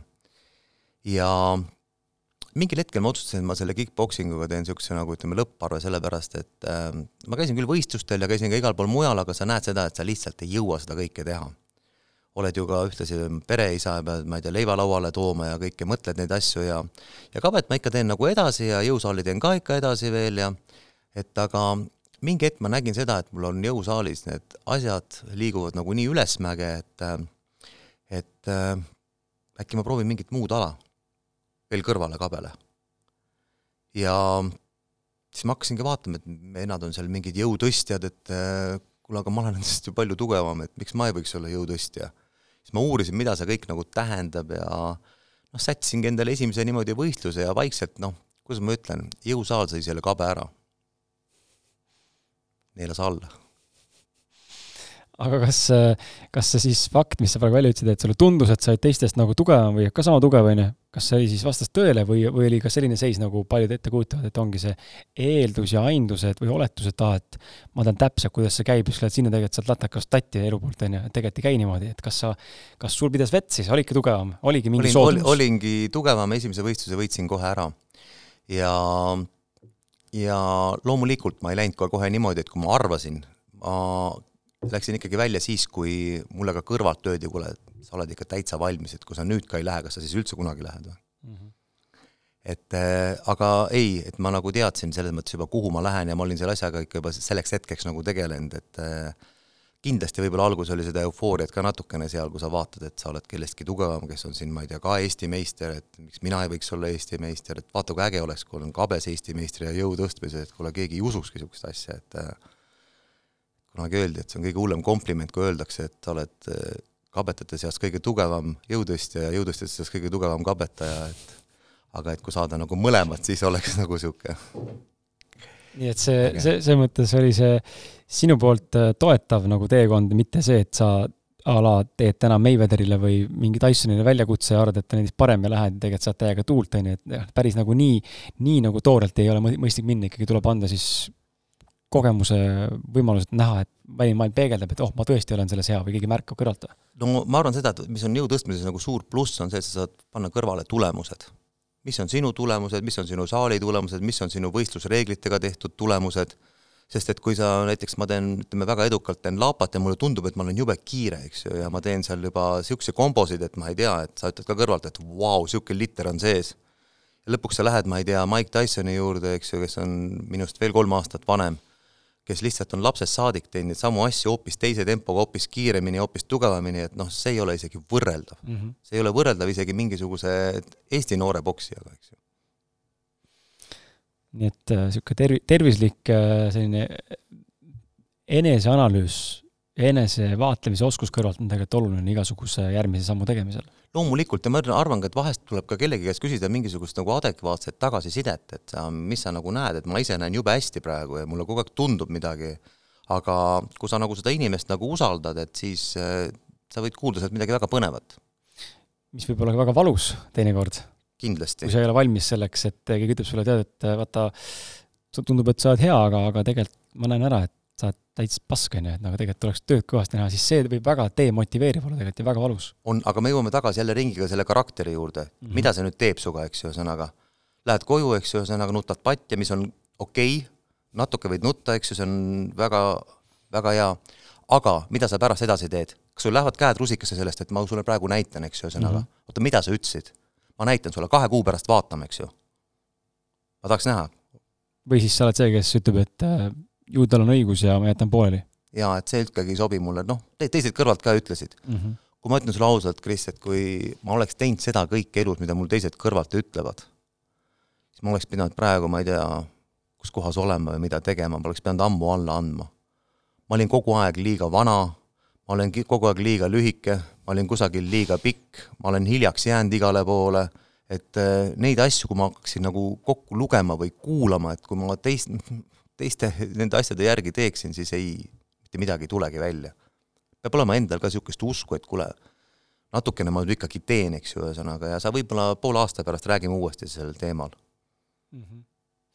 aga kust äh, tekib see niisugune tervislik tasakaal, et üks on nagu enda usaldamine endast nagu teadlik olemine, eneseteadlikkus ja teistpidi on siis see välise maailma peegeldus või selline tagasi nagu peegeldamine või arvustamine, et aa, näed, et jaa, sa oledki tubli või et sa ei ole piisavalt hea täna veel, et kuidas see tasakaal leida, et kas siis on vaja sinu näitena olla nagu endale sada protsenti järjepidevalt kindel, et eh, fuck all others, on ju, ma teen mm -hmm. kõik enda järgi, või mingi hetk ja mingis kohas tuleks kedagi ikkagi kuulata no eks see on niisugune nagu hea balanss, aga ma arvan, et võib-olla enne, kui ma üldse, kas ma kedagi kuulan või üldse nagu mõtlen selle peale, siis ma küsiks enda käest, et mikspärast sa teed seda? mikspärast sa teed seda, et kas sa nagu naudid, kas su karakter kasvab, kas sul on seal kusagil mujal ka seda kasu, kui sa lähed ainult teed seda sellepärast, et kellelegi teisele tõestada, siis ma arvan, et see motiiv on juba eos vale mm. -hmm. et mina usun näiteks nagu seda, et kui sa nagu mingist asjast ennast nagu väga tugevalt läbi närid, siis see järgmine pähkel, mis su elus su ette pannakse sellest närid sa juba usuga ennast läbi. sellepärast, et ma olen seda kogenud, ma olen seda teinud. aga kui sa tahad sealt läbi närida ainult sellepärast, et äh, kellelegi tõestada või kellelegi näidata, et äh, aga ma ju teile ütlesin, ma ei arva, et see ainult on niisugune nagu hea lähenemine, et see peab olema natuke niisugune nagu laiem või suurem, sa pead natukene mõtlema ka ettepoole, et aga mida see teeb, eks ju, ma panen praegu kaks aastat sinna oma elu alla, see on väga suur aeg, see tuleb võib-olla teiste arvelt, mingite muude asjade arvelt. et kas sa oled selleks nagu valmis kas sa peaksid seda üldse tegema? Need on need küsimused, millele tuleb enne nagu vastus leida. aga selge on see, ma arvan, võime sinuga siinkohal mõlemad nõustuda, et ja ma usun, et ka paljud meie kuulajad kindlasti sellega samastuvad, et see eh, tõestamisvajadus teiselt poolt on nagu selles mõttes vajalik mingis mahus, et ta ikkagi annab selle drive'i või see lükke edasi liikumiseks. loomulikult. aga ainult sellest, noh, et ainult sellele, et ainult sellest ei piisa ja ainult sellele ei saa ka toetuda. no aga jällegi, eks ju, ühesõnaga mõtle, kui seda ei oleks, eks ju, meil mm. -hmm mille peale lööb sul silm särama, et ühesõnaga täna on kolmapäev oh,, kaks päeva on jäänud. tead, mis siis on või? reede õhtu mm, -hmm. mul on väike istumine seal plaanis, laupäev ma valutan pead, võib-olla lähen teen mingi väikse sauna kusagil peale, pühapäev hakkab tulema väike hirmuõigi, sest esmaspäev ootab mind. kas noh, kas see on nagu drive või, see ei ole drive. see ei ole drive. ma ütlen ausalt, et kui ma, kui mul on raskel tamades surumise trennid olid, isegi viiekümne, viiekümne ühe aastaselt, viiekümne kahe aastaselt, ma lugesin päevi, kaks päeva on jäänud veel selle raske trennini. üks päev, homme samal ajal ma olen seal jõuksis juba, eks ju. ja, ja, ja ma ootasin seda nagu väike laps ootab jõuluvana no see näitab ju, see, selles mõttes minul on seda äh, lõpuni väga raske mõista, ma olen elus ühe korra kogenud, ma näen ka, ma ei ole väga spordi mõttes nii mm, mitte ainult konkurentsivõimeline, vaid konkurentsitahteline. ja ma noh, täna näen ka, et tippsport ei ole minu elus kuidagi aktuaalne, ma olen lihtsalt pooleli jätnud ja teen täna oma keha raskusega nii palju, kui suudan ja, ja, ja ma näen, et mul ei ole seda seal, ütleme sellist enesedistsipliini või niisugust ootust, et oh jess, ma saan homme teha trenni, mul on pigem see, et ah, kammen trenn, et oh, jalapäev ka veel, et okei okay,, ma kannatan seda, ma tegelikult ei naudi protsessi nii väga, aga ma saan selle vajadusest aru. ja ma näen ka ilmselt see on ka põhjus, miks tulemusi ei tule nii hästi, sest ma tegelikult ei, see ei ole minu jaoks kirg, ma ei naudi seda täielikult lõpuni, on ju. Versus see, kui ma tegin, mäletan, kui Austraalias olin viis aastat tagasi, küll hakkasin tegema trenni pärast songa operatsiooni, ma olin, kukkusin vist viiekümne üheksa või kuuekümne kilo peale vist pärast songa operatsiooni, niimoodi, et ma olin peenem kui naine juba, siis mul oli piinlik endal olla juba. ja siis ma hakkasin tegema trenni keha raskusega, sest ma ei tohtinud midagi muud teha ja, ja siis ma, siis mul tõusis, noh, keha läks ikka, ma olin oma elu tippvormis äh, ja, ja mitte kunagi ei ole nii heas vormis olnud, kui siis olin, ka mitte täna. aga kaal oli hoopis teine. Ja siis ma nägin, et see oli esimest korda, ma tundsin oma elus, et ma nautisin trenni tegemist, aga ma ei mäle-, ma ei suuda enam meenutada, mis, mis mu siin peas toimus, sest ma ei saa enam sama tunnet täna kätte. ja ma tean, et see tunne muutus mul siis, nüüd me võib-olla jälle, oskad sa midagi tarka öelda siin, see tunne, mis mind pani nagu õhinal trenni tegema, ma mäletan, ma nautisin, õues sadas vihma, lõi välku, ma läksin, tõmbasin lõuatõmbe, mul oli pohhui, ma, ma teadsin, ma tahan teha trenni. jõuda enda arengus kuskile ja sealt tulid tulemused väga kiiresti. aga ma mäletan, et see muutus siis, kui ma murdsin enda kolm need kämblaluud pooleks, kukkusid niimoodi.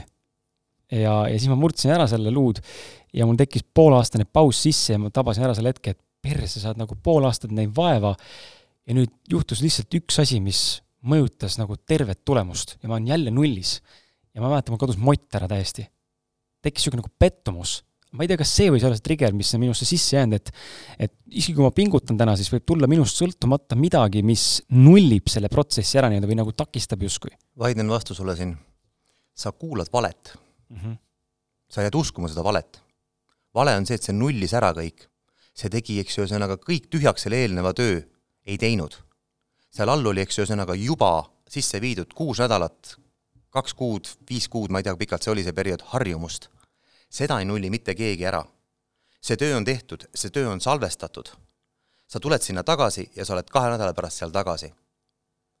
väga tihti ongi see probleem selles, et me jääme ise igasuguseid asju uskuma, et ühesõnaga, et midagi nüüd juhtus ja see lõhkus kõik ära. tegelikult ei lõhkunud ära, sest see töö on tehtud, see iseloom on tulnud sinna juba tegelikult taha teha midagi mingi, mingi periood järjepidevalt, see on tegelikult väga suur asi. et ähm, ma praegu tegelen ise kaalu langetamisega, ma olen kolmkümmend kaks kilo võtnud maha viimase viie kuuga. ja mul on üks kaalugrupp, keda ma juhin, seal on kaheksateist inimest ja ma räägin tegelikult sama juttu seal ka, et äh, need harjumused, mida me praegu siin omandame viie kuu vältel, on need harjumused, eks ju, mis peavad jääma meile sisse see töö peab salvestuma, et kui meil lõpeb ära nüüd see nii-öelda, siis saame oma kõik need soovkaalud kätte, reegel number üks on see, et ära lõpeta. Ära lõpeta, pane endale uued mahud paika, eks ju, ühesõnaga, aga see töö on tehtud, juba sa töötad iseloomuga väga tugevalt viis kuud, ära lase selle raisku minna. et ma sain nüüd suveks mingisuguse vormi, et kas sa tahad sügisel uuesti alustada või? nullist. ei, ära, ära lase sellel minna enam. hoia seda kinni niimoodi ja ära usu, kui midagi juhtub, et tuli mingisugune sünnipäev vahele, sõit seal kaks kilomeetrit juures, no näed, ma ütlesin, eks ju, ühesõnaga, ega inimest ei muuda, eks ju, muudab. see on äh, väga hea mõttekäik tegelikult. Ähm, jaa, see on väga hea mõttekäik, et just nimelt äh, ma olen seda paljude pea, paljudega, kellega ma kokku puutun, kes ka teevad jõusaali kõvasti, noh, nii-öelda ütleme siis kulturismi või, või seda, mis ta on siis, meestel on see äh, fitness valdkond nii-öelda, on ju, et või ka, või ka naistega, kes tegutsevad vallas või üldse tippsportlastega, siis kõik tegelikult on sama asja rääkinud. et, et just nimelt selle, selle vana, uue harjum-, noh, vana justkui, eks ole, nüüd on omandanud harjumuse, aga uue omandanud harjumuse pealt äh, jätkata on nagu äärmiselt oluline ja tulemuslik, mitte et lasta siis nagu selle nagu ära vajuda ja siis hakata uuesti ehitama, et lihtsam on jätkata, kuigi see võib olla mõnikord ka raske, aga just nimelt jätkata, sest see on sul vundament juba all. et see eeltöö nagu see alustustöö on alati tavaliselt kõige raskem. see on loomulikult, kui sa lähed näiteks metsa jooksma, sul on eesmärk see, et äh, jooksen kümme kilti ja kuuenda kilomeetri peal sa äkki, sul tunneb, et ma ei jaksa, ma reaalselt ei jaksa enam. no ära jää seisma. ära jää seisma, hakka kas või käima, aga ära jää seisma. ja ma usun, et seesama põhimõte tegelikult toimib ka elus mujal, et ühesõnaga, et võivad tulla tagasilöögid, kus kohas kõik ei lähe sellise tempoga, nagu ma arvasin või ma nagu planeerisin, aga ära jää seisma. et see on nagu hästi tähtis võtta nagu see, ütleme siis sealt nagu elus kaasa, et äh, sest noh, tagasilöögid vaieldamatult kõikidel tekivad, ka sportlastel on igasugused vigastused, motivatsioonilangused, koroona ajal ma lihtsalt imestan ja võtan mütsi maha väga paljude sportlaste ees, kellel on tegelikult kogu kalender on pea peale pööratud mm. -hmm. Nad peavad ikkagi kuidagi treenima, ikkagi kuidagi elama ja see on ju suur tagasilöök paljude unistustele ja kõigele muule. absoluutselt kas ise tegelikult ju, ütleme, noh, nüüd on see peaaegu poolteist aastat kestnud meil see, see pull siin, eks ole, tegelikult sa ise ka said tunda äh, seda, mida tegi siis isolatsiooni nii-öelda kogu riigi sulgemine. kuidas, kuidas see sulle kui sportlasena nagu mõjus ja, ja mida te, mis sa, mis sa tegelikult tegi siis, nagu valgustad, võib-olla inimesed, nagu kes ei puutu spordiga kokku, võib-olla ei oskagi samastuda, mida nagu selline olukord võib teha, kus a la spordisaalid on suletud näiteks või treening, treeningu mingisugused vahendid ja, ja võimekus on piiratud, et äh, äkki see sinu näide suudab ka inimesi panna samastuma ka nende enda valdkonnas, kuivõrd keeruline või, või kuidas vastupidi, näha võimalusi, mida veel saab mm -hmm. teha noh, ütleme, kui tänaseks on olnud kolm niisugust nagu suuremat sulgemist, siis kaks viimast on tegelikult nagu ikkagi nagu ütleme, saavutussportlastel lubatakse Kultuuriministeeriumi loaga käia trennis ja ütleme, seal ma olen olnud nagu kaitstud. aga võib-olla see eelmise aasta nagu ütleme just see esimene, see lockdown, mis oli niisugune nagu, kus olid numbrid tegelikult madalad ja lihtsalt seda paanikat oli nii palju, siis äh, ma tunnistan, et ma ei ole kõige tavalisem või niisugune nagu kõige lihtsam nagu näide, sellepärast et ma olen natukene kiiksuga ja ma tundsin ennast veelgi rohkem motiveerituna, et nüüd pead sa veel eriliselt tegema trenni. nüüd sa ei tohi mitte midagi jätta nagu vahele, sellepärast see on see ekstra käik, millest sa rääkisid. Mhm. just, et see oligi see, et meil oli niisugune nagu hea seltskond, kellega me koos käisime trennis, meil oli võimalik ühte erajõusaali kasutada. ja me saime kõik oma asjad seal tehtud, me olime väga regulaarsed, meil ei jäänud ükski trenn vahele. et lõpus, kui me tulime suvel ja sealt juunikuus tulime sellest kõigest nagu välja, siis äh, ma ütlen ausalt, et mitte midagi polnud praktiliselt kadunud. et aga, et see oligi just nagu see, et siis, siis sa pead midagi nagu ekstra rakendama. et see ei saa olla see, et ühesõnaga, et ah, nüüd on niimoodi, nüüd on pahasti või et äh, noh, äkki ongi hea nüüd lõpetada või mm. -hmm. et äh, sellest tuleb kuidagi jah, nagu ütleme, saada nagu ammutada jõudu, et okei okay,, kui tingimused muutuvad raskemaks, siis mina keeran ka natuke seda volüümi juurde Passion Games, kirglik kaardimängu lugu sai alguse soovist kogeda veel enam lähedust, avatust ning vürtsi oma kaaslasega peale pikki koos olnud aastaid. tundub nagu mulle midagi. kaardimäng nimega Vaarikas on mõeldud kaheksateist pluss mäng paaridele, mis aitab välja tulla igapäevarutiinist ning tuua taas kirg ja lähedus oma suhtesse mäng võimaldab siis paaridel avastada ja õppida tundma teineteise isiklikke intiimseid eelistusi ja fantaasiaid, nautida teineteisega tõelist kvaliteetaega ja vürtsitada suhet ja arendada mängulusti ning see on tegelikult sündinud Eesti mehe armastusest oma naise vastu. ja nagu sa juba tead, siis olen ka mina korduvalt seksiteemadel siin saates oma suhte seisukohast rääkinud ja oi, kus ma kavatsen neid kaarte kodus oma naisega lappama hakata. mäng ise sisaldab siis piltidega mängujuhist, eelmängukaarti, kolmkümmend kuut erinevat sekspoosidega mängukaarti, kahtekümmend kahte intiimse tegevuskaarti, kahtekümmend täietavat fantaasia ehk soovide kaarti, silmaklappe, taimerit ja diskreetseks kaasavõtmiseks siidikotti. lisaks on võimalik nende koduleheküljelt passiongames.eu tellida endale mängu jaoks lisavarustust, nagu näiteks täietavad fantaasia ehk soovikaardid, silmaklappe musta ja punast värvi ja Epp Kärsini brändi Amareluna superpuhastis siides kookosõli, millega ennast ja oma kaaslast mõnusalt libedaks teha. hoiatus hoiatus sulle, mäng võib tekitada erinevaid kuumi tundeid, õnnehormooni tõusu ja sõnu seletamatut joovastust. Sind on nagu hea selles mõttes kuulata, et äh, mul on nagu lahe näha, kuidas mu enda sees on mingid uskumused, mida ma olen omandanud või õppinud läbi mingite valdkondade, noh, sport on kindlasti üks asi, ma tunnen, et mul on nagu nii, nii, nii vale arusaam mingitest asjadest seal. Ja, ja see on nagu hea kuulata sind, kuidas nagu näha seda teistsugust perspektiivi hoopis, et nagu see on nagu nii, sinu vaade nagu nii loomulik ja mulle nagu nii võõras mingi on ju nagu, et ongi, et äh, aa, niimoodi, aa, nii saab ka mõelda või? vaat kui huvitav, tõesti saab niimoodi mõelda, et ja samas teises, teises valdkonnas ma tegelikult mõtlen ja käitun nii nagu sina, aga, aga selles spordimas mitte, on ju, et see on hästi huvitav, kuidas kuidas meil endal tegelikult erinevates valdkondades äh, mingites on soodumus olemas, mingites on eelised, mingites on nagu puudused ja kuskil on see, kus me oleme täiesti ohvrid, on ju. et mina ei saa ja ma ei oska ja inimene on ikka müstiline olend ja, ja masin, et äh, piirab ennast ja samas äh, viib ennast edasi ka, isegi kui tahab. kuidas, räägime tippu jõudmisest, just nagu noh, korral ma siin puudutanud ka mingisuguseid punkte, aga just nagu tippu jõudmisest, sinu resümee on nagu meeletu tegelikult ja nagu päris, päris mahukas ja päris äh, muljetavaldav. räägime just nagu spordi mõttes ja, ja toome paralleeli ka ellu, kuidas üldse nagu tippu jõuda oma tegemistes. et võib-olla kõik ei taha jõutõstjaks täna saada, on ju, aga mine tea, võib-olla mõni, kes kuulab, hakkab, äh, helistab sulle homme, on ju. et äh, räägi, mida on vaja selleks, et jõuda nagu tippu, millistele isikuomadustele ja harjumustele oskad tähelepanu suunata, ehk millele tuleks inimene oma, oma tähelepanu fookus anda ja mis on sind isiklikult aidanud jõuda nii kaugele, nagu sa jõudnud oled täna? No kõigepealt ma mõtlen seda, et ähm, tippu jõuda, kas sa üldse tahad tippu jõuda? sellepärast, et ma ütlen ausalt, et enamik inimesi ei julge lauale panna midagi väga suurt ähm,. tulen jõusaali, et ähm, ma tahaks natukene nüüd paremaks saada. kuidas me mõõdame seda? kus sa tahad olla viie aasta pärast, kus sa tahad olla kümne aasta pärast? noh, ma ei tea, seda natuke, natuke parem, see ei ole mõõdetav et äh, ma usun, et väga palju, ütleme, niisugune tippu jõudmine hakkab ikkagi inimese nagu unistamisest. eesmärgistamisest. just mm, -hmm. et äh, sa paned need eesmärgid paika, sa kõigepealt unistad seda, et näiteks, et ma tahan olla kunagi seal pjedestaali kõige kõrgemal astmel ja teha niisuguse tulemuse, mis on järgmisest kohast, on valgusaastate kaugusel. ja okei okay,, sul on tore unistus, et väga paljudel on ju see, et kus sa oled ka kuskil, ma ei tea, rokkbändis ja mängid ja kuskil seal raiud seal kitra, eks ju, et aga sa ei jõua mitte kunagi sinna lähedale. nüüd on järgmine suur küsimus, mida sa oled valmis tegema oma unistuse nimel. ütleme, et kui tulebki see inimene, ütleb, et nüüd ma tahan ja nüüd ma olen ja ja siis äh, väga levinud äh, lähenemine on see, et aga mul on, praegu ma lähen järgmine aasta, eks ju vahetusõpilaseks lähen äh, Itaaliasse ja siis on mul veel mingi reis ära ostetud ja siis ma lähen, aa muideks ma ei rääkinud, ma tahan sügisel maratoni ka läbi joosta veel ja aa, kõhulihased, ta võiks olla ka nagu kuubikud ja ütlen, kuule, sul on kaheksa unistust juba laua peal, eks ju, ja nendest osad on juba piletidki ära ostetud, et äh, üheksas ei mahu siia lihtsalt. et see on nagu väga oluline, et sa ka jätaks, jätaksid nagu endale aega, et pühenduda sellele mm. -hmm. ja, ja reaalselt nagu vaatama, et kas see unistus on nagu ütleme, sinu nagu pärusmaa. ja see on niisugune koht, kus kohas äh, ka mina võin eksida. ma olen vaadanud näiteks mõne oma õpilase peale ja mõelnud, et äh, ma ei ole kindel, et siit midagi tuleb mm. -hmm. aga tuli.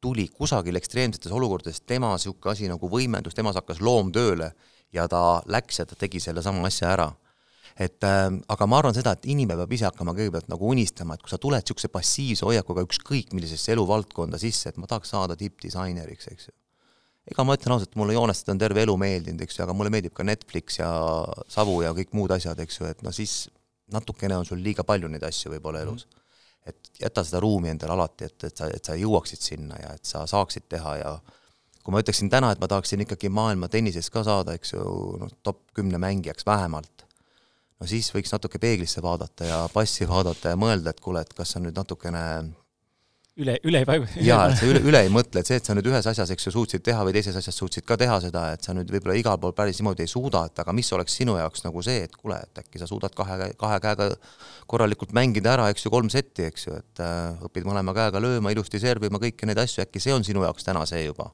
kui see ei anna sulle drive'i, otsi midagi, mis annab sulle selle drive'i, et äh, et aga jah, et äh, ma näengi väga palju, et äh, et inimestel on väga raske nagu pühenduda mingisugusele eesmärgile ja ja võib-olla tihti napib ka seda julgust öelda välja seda, et ma viskan selle kaardi lauale, ütlen, ma tahan olla võitja. see tundub vahest nagu isegi meie niisuguses nagu ütleme, kultuuriruumis natuke niisugune, et kuule, sa oled ikka jube enesekindel vend, eks jube egoist. jaa, jaa, et sa mõtled ainult enda peale, eks ju, ühesõnaga, et kuule, ma räägin ausalt, nagu on, ma tahan saada võitjaks. kujuta ette, eks ju, ühesõnaga, et väga paljud tahavad saada võitjaks, aga väga vähesed julgevad seda nagu välja öelda. ja siis on pärast õnnetud, kui ei saa see on huvitav, et sa seda mainisid, ma olen märganud ise seda, ma olen just äh, nüüd podcast'i maastikul nagu noh, ütleme täna, täna on meil kaheteistkümnes mai, kolmandal mail sai kolm aastat siis nagu seda tegemist, on ju. ja ma olen nagu näinud siin, et selles vallas mul täna on väga palju veel teha, ma tunnen, tajun, et ma olen nagu siin põhjusega ja ma tajun ka seda, et mul on mingisugune soodumus teha seda selliselt, mida võib-olla ütleme, üheksakümmend protsenti, üheksakümmend protsenti podcast'ist Eestis ei tee. Ma võin eksida, ehm, kindlasti on sarnaseid, kes teevad seda sarnaselt ja teevad ka võib-olla paremini, aga kuna väga ei jälgi, aga ma noh, intuitiivselt tunnetan ja natuke ikkagi näen, mis toimub ümberringi, siis mul on selline algusest peale niisugune ambitsioon ja ma olen avalikult mitu korda öelnud seda ja ma teiste nii-öelda saatejuhtidega ka sattunud vestlema ja mõni mõistab, mõni ei mõista, aga see on just seesama näide, et kui sa julged välja öelda, et a la, ma ei tea, ma tahan olla Eesti kuulatum podcast ja ma saavutan selle kümne aastaga näiteks, siis inimesed on nagu seisumas, et see oli nagu väga kohatu nagu öelda seda umbes, et noh, niimoodi ikka ei öelda, vaata, et sa oled Eesti parim, et mina olen ikkagi juba siin kolm aastat olnud, et mina vaata olen parem võib-olla nagu, et kuidagi nagu inimestele ei meeldi see otsekohesus või konkreetsus, noh, et ma tulen ja näitan ja nii hakkab olema. inimesed tahavad niisugust nagu sossitamist, vaata, et noh, proovime koos ja siis vaatame, kumb parem on ja et see on hästi huvitav, ma ei tea, kas see on nende eestlase pärusmaa või see on ikkagi inimpsühholoogia, et meile ei meeldi otsekohesus ja niisugune raudne, raudne konkreetsus? ma arvan, et tegelikult äh, noh, see on jälle sama asi, millest me oleme täna siin juba rääkinud natukene, et aga öelda nagu väga selgelt välja, ma tahan olla kümne aasta pärast. nüüd sa ütled, et kolm aastat on möödas äh,. lepime kokku, et kahe aasta pärast me räägime sellest ja vaatame, kuhu sa oled jõudnud, milline on su progress olnud, kus sa olid ja kus sa asud nagu täna mm. -hmm. ja kui sa nüüd viie aastaga ei ole väga olulist nagu mingit lähenemist teinud, siis on minul küsimus seda, et aga mis siis toimus see viis, viis aastat, et sul oli ju väga selge, väga konkreetselt lauale pandud nagu unistus, et kas sa oled liikunud selles suunas või? kuule jah, ma olen seal juba ütleme top kolme seas. kuule, siis sa oled juba väga kõrgele liikunud, vaata kui palju neid igasuguseid podcast'e on Äh, kui sa ütled, et tead, et siin on vahepeal igasuguseid aegu olnud, eks ju, et mul oli siin vahepeal, äh, pidin kaks aastat Saaremaal olema, vaata, siis oli mul üks põllumaa oli sellega, no ma pidin midagi tegema selle -hmm. maaga, eks ju, siis mõtled, kuule, sul oli nagu unistus, sa kuskile tahtsid minna, aga neid põllumaid tuleb veel su ellu, eks ju. Ja veel ja veel ja veel tuleb igasuguseid asju, et sa pead nagu tõesti nagu mõtlema, et äh, okei okay,, et see on nagu väga kõlav nagu niisugune unistus, mina nagu näiteks ei kardaks seda sellepärast et noh, mõtlen, et kui keegi isegi mu konkurentidest ütleks seda, see on jällegi see, et okei okay,, ta tahab olla number üks.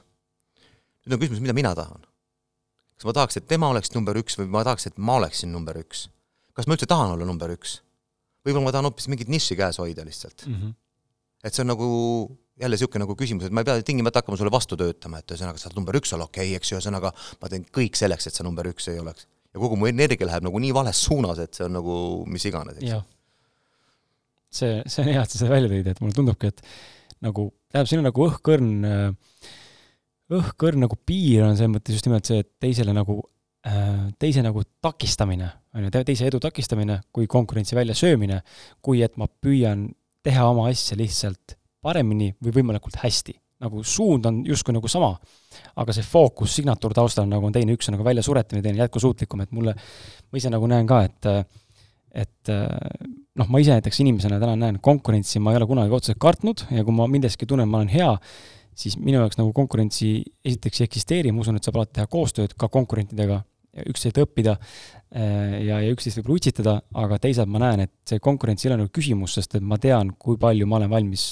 noh, ma tean, mida mina teen. sa tee ennast, sa tee oma asju, ma teen oma asju, ma tean, kuhu ma jõuan ja kui see jõuab ka sinna, siis on nagu tore ja kihvt, aga ma, aga on, on eeldus ja tunne, et äh, ma jõuan kaugemale tõenäoliselt, on ju et see on hästi huvitav, kui, kui nagu tegutseda erinevate nende ütleme nagu taustasüsteemide pealt, siis need tulemused tegelikult on teised. et kui sa hakkad takistama, siis tegelikult see ei ole õige võib-olla. tähtis on see, et see energia nagu ei läheks nagu vales suunas, et ma toon ühe niisuguse kiire näite, et äh, me ühe oma pojaga, eks ju, ma fänname mõlemad Roger Federeri. Ta on üks mu lemmikatleete ja Federer on palju võitnud ja nüüd on ta lihtsalt vanemaks natukene saanud ja ja ma olen tähele hakanud panema seda, et ma hakkan fännama Roger Federeri vastaste kaotuseid. sellepärast, et nad ei jõuaks Roger Federerile lähedale. kuigi nad mängivad hästi, kuigi nad on väga andekad mängijad, eks ju, jutt on siis Rafael Nadalist ja Novak Djokovicist, et äh, ja siis ma mõtlen seda, aga see on ju täiesti nagu vale suhtumine. Ma enam isegi ei naudi tennise vaatamist, sellepärast et ma, ma tahaks, et keegi Federeri ei puuduks mm. -hmm. et see ei ole õige, eks ju, samamoodi sa võid jalgas, eks ju, ühesõnaga rohkem tunda rõõmu äh, mingisuguse konkurendi kaotusest kui oma meeskonna võidust mm -hmm. või viigist, eks ju, et, et see, see ei ole õige energia, ma arvan seda, et siin tuleb nagu natuke tõsiselt nagu jälgida, et kuule, aja nüüd oma asja, eks ju, ühesõnaga, ja Federer on juba ammu kõik asjad saanud kätte, mis ta on pidanud saama, eks ju, ja ja ongi normaalne, et tulevad uued inimesed ju. Kahekümne aasta pärast on see kaart hoopis teine ju, eks ju mm. -hmm. ja nüüd pole mõtet oma energiat siin vahepeal ju panna sinna kuskile, et ühesõnaga, et okei okay,, et ühesõnaga, et peaasi, et tal hästi ei lähe, eks ju. see on jah, väga, väga huvitav nagu kogemus, mis sa minuga tõid siia, et ma ise ka, ise ka märganud, et mingites situatsioonides niimoodi on, et sa nagu naudid seda millegi nagu vastaspoole kaotust rohkem kui see, et sinu enda pool võitis mm. -hmm. või, või enda edu nagu naudid vähem kui seda, et keegi teine kõrval fail'is. See on nagu, see nagu paneb mõtlema, et miks see nii on ja, ja ma näen, et seda üha rohkem tahaks endast välja süüa ka, aga aga kohati nagu tundubki, et meil ongi selline, selline mingites etappides, võib-olla mingis vanuses on rohkem seda, aga, aga selline selline jah, selline üksteisele nagu ärapanemine on nagu nii rõõmuvalmistav, et näed, see vend, kurat, jäi kangi alla ka, vaata veel on ju, murdis käeluu, et jess, vaata, on ju. Mhm. et see on hästi huvitav, et äh, seda negatsiooni nagu tuleks nagu oluliselt nagu vähemaks pöörata ja panna fookus sinna, mis on nagu tegelikult positiivne. tead, kui huvitav on see näiteks spordis, ma ütlen sulle ausalt, et ükski võit ei paku sulle kunagi nii palju, et kui sa lähed viimasel katsel, eks ju, sul on vaja see asi kindlasti ära teha, sest muidu sa ei võida, muidu ei tule rekordit, muidu ei tule kõiki neid tiitleid ja asju. et äh, sa ei asenda mitte mingisugused noh, sa võid ka teistmoodi võita, vastane ei tulnud kohale, eks ju ja mhm. näed, võistlesid seal endast poole nõrgematega, eks ju, ja võitsid ära ja oled täielik kunn. aga kui sa paned selle suure mehe nagu pikali, siis see on palju magusam ja see maitseb palju rohkem. et see on tegelikult nagu ütleme, see võidu väärtus on siis teinekord ka hoopis teine, kui sa nagu selle nimel näed vaeva, pingutad, riskid, oled seal piiri peal ja ületad selle piiri. on sul äh, mõni lugu äkki rääkida ka selle kohta? eelmine aasta Eesti meistrivõistlused üks mu oma selleaegseid õpilasi siis oli mulle jubedalt nagu kandadele astumas ja ja oligi niimoodi, et me kuni viimase katseni olime koos, kas mina või tema, mina või tema. ja noh, ta on must kümme aastat noorem ja mul on nagu hea meel, et lihtsalt, et äh, mul oli hea meel tema üle mm. -hmm. et tema oma asjad ära tegi, aga noh, mina tulin sinna selleks, et võita ja, ja noh, see loomulikult pakkus palju, palju, palju rõõmu ja ja noh, ma mõtlen kõik need, ütleme, kas see välisvõistluste kahevõitlused, kus kohas ma olen kulla nimel nagu võidelnud kellegiga, on see siis mingisugune sakslane või ungarlane või taanlane või et äh, et kui sa lõpuks ta pikali paned, et siis on see niisugune nagu tunned, et äh, raisk ära tegi. murdsid karu maha sul on maailmameistrivõistlustelt äh, kuldmedal, aga, aga on tegelikult ka vist eelnevalt siis mingid muud kohad saavutatud? jaa. mis kohad? Mul oli mitu hõbedat enne seda mm. -hmm. mitu hõbedat ja see on ka niisugune nagu jälle üks niisugune asi, millest ma nagu hästi palju nagu õppisin. ma olin tulemas maailmameistriks kahe tuhande üheksandal aastal. see oli Uus-Meremaal olid meil võistlused ja see oli nagu üks ameeriklane oli nagu põhifavoriit ja minu põhikonkurent. ja siis see aeg, kui mina muudkui tegin oma edukalt oma katseid ära katse katse järgi, siis tema ei teinud ja nüüd jäigi niimoodi, et mina olen siis esikoha peal, ameeriklasel polnud tulemust kirjas, kolmanda koha peal uusmeremaalane oli juba kaugel maas meist. nüüd see ameeriklane läheb viimasele katsele ja minu närvisüsteem ei pidanud vastu, läksin välja ja hoian seal umbes hinge kinni ja loen sekundeid ja et mõtlen, et näed, kahe minuti pärast on kõik läbi, on selge, et kas ma olen maailmameister või ei ole ja ja siis tuleb sõber. noh, see oli mm. -mm. raputab pead raputab pead, ameeriklane tegi ära, oli küll väga kole katse, aga kaks-üks võeti vastu ja nii napilt, eks ju, ühesõnaga see on täpselt see, et mängid bingolotot ja viimane number, eks ju, ühega läheb mm. mööda, tead. peaaegu oli käes juba, eks ju. ja umbes sama asi kordus kümme aastat hiljem Lõuna-Aafrika Vabariigis. siis ma ühe sakslasega seal koos tegime ja kas need võistlused ongi nii ei, ei, ei okay., need on lihtsalt kaks nagu niisugust nagu juhust, seal on veel olnud mm, -hmm. on vahepeal ka kulda tulnud seal Euroopa omadelt ja mujalt, et aga jällegi, aga see MM-tiitel, mida ma nagu püüdsin. ja siis äh, samamoodi jälle ma lähen välja, eks ju, enne viimast seda sakslase katset, noh, ta ei tee ära niikuinii, seda pani nii palju juurde, et ta lihtsalt läks nagu riskima ja lähen tagasi ja sõbrad ütlevad, kuule, sakslane tegi ära. ilusti ja korrektselt ka veel, eks ju kuidas niimoodi, eks ju, ühesõnaga. jälle, sind rööviti. ja see, ma mäletan, et oli minu jaoks jälle üks niisugune otsuse koht, et ühesõnaga ma otsustasin, et ma enam mitte kunagi ei lähe kuskile kõrvale, ei pööra pead ära, kui see on mu jaoks ebamugav, see on mu jaoks raske, ma olen seal kohapeal, ma vaatan ja kui ma võidan, siis ma võidan ja kui ma kaotan, siis ma kaotan. aga ma ei lähe niimoodi minema, et see on nagu mingisugune, ma ei saa aru, et loed seal sekundeid ja saad, ei saa, eks ju, ühesõnaga ma ei taha niisugust asja. ma olen kohapeal. Huvitav oli see, et siis läks mööda mingisugune pool aastat ja olid Euroopa meistrivõistlused ja kus kohas mina ei olnud favoriit, üks suur prantslane oli seal favoriit ja samamoodi prantslasel tulemust kirjas ei ole, mul on kõik asjad seal juba kirjas ja ootan seda prantslase viimast katset ja prantslane läks tegema, ma mõtlesin, ma ei lähe mitte kuhugi siit ma jään selle prantslase juurde, ma vaatan, kuidas seal on. loomulikult ma ei hüppa kohe õhku niimoodi, ega ma, see ei ole sportlik väga, eks ju, et aga mingi emotsiooni ma kindlasti näitan välja. Aga ma olin seal kohapeal ja prantslane ei teinud ära ja millest on mul kahju, sellepärast et ta tuli ka selleks sinna, et ära teha asjad, et aga sport on sport ja aga lihtsalt ma näen, et see oli minu jaoks nagu niisugune nagu ütleme, jällegi karakteritreening mm. -hmm. sa oled kohal nendel hetkedel, mis on su jaoks ebamugavad, kus sa tahaksid pea ära pöörata, kus sa tahaksid kõrval ruumis olla, ei, sinu koht on seal see on, see on nagu väga hea näide, ma mäletan, ma küsisin sama küsimuse tookord ka, kui sa rääkisid seda lugu ja see minu arust on nagu, sa andsid hea vastuse ja ma küsin sama küsimust ka siin, et see ärapööramise või teise ruumi minek, kas on seotud kuidagi vastutuse võtmisega ja just nimelt ka emotsioonide kontrollimisega või sellega toime tulemisega, et ma ei tea, kas siis on hirm see, et ma ei oska ennast vaos hoida või on hirm selles, et teised näevad, kui ma a la nutma hakkan, eks ole, mis on ka täiesti okei okay emotsioon, kui sa oled siin elutöö sisse pannud ja tegelikult ei saavuta seda, on ju, või vastupidi, liiga hõiskan, on ju et eufooria nii-öelda hakkan seal nagu mingi psühhopaati mängima, on ju.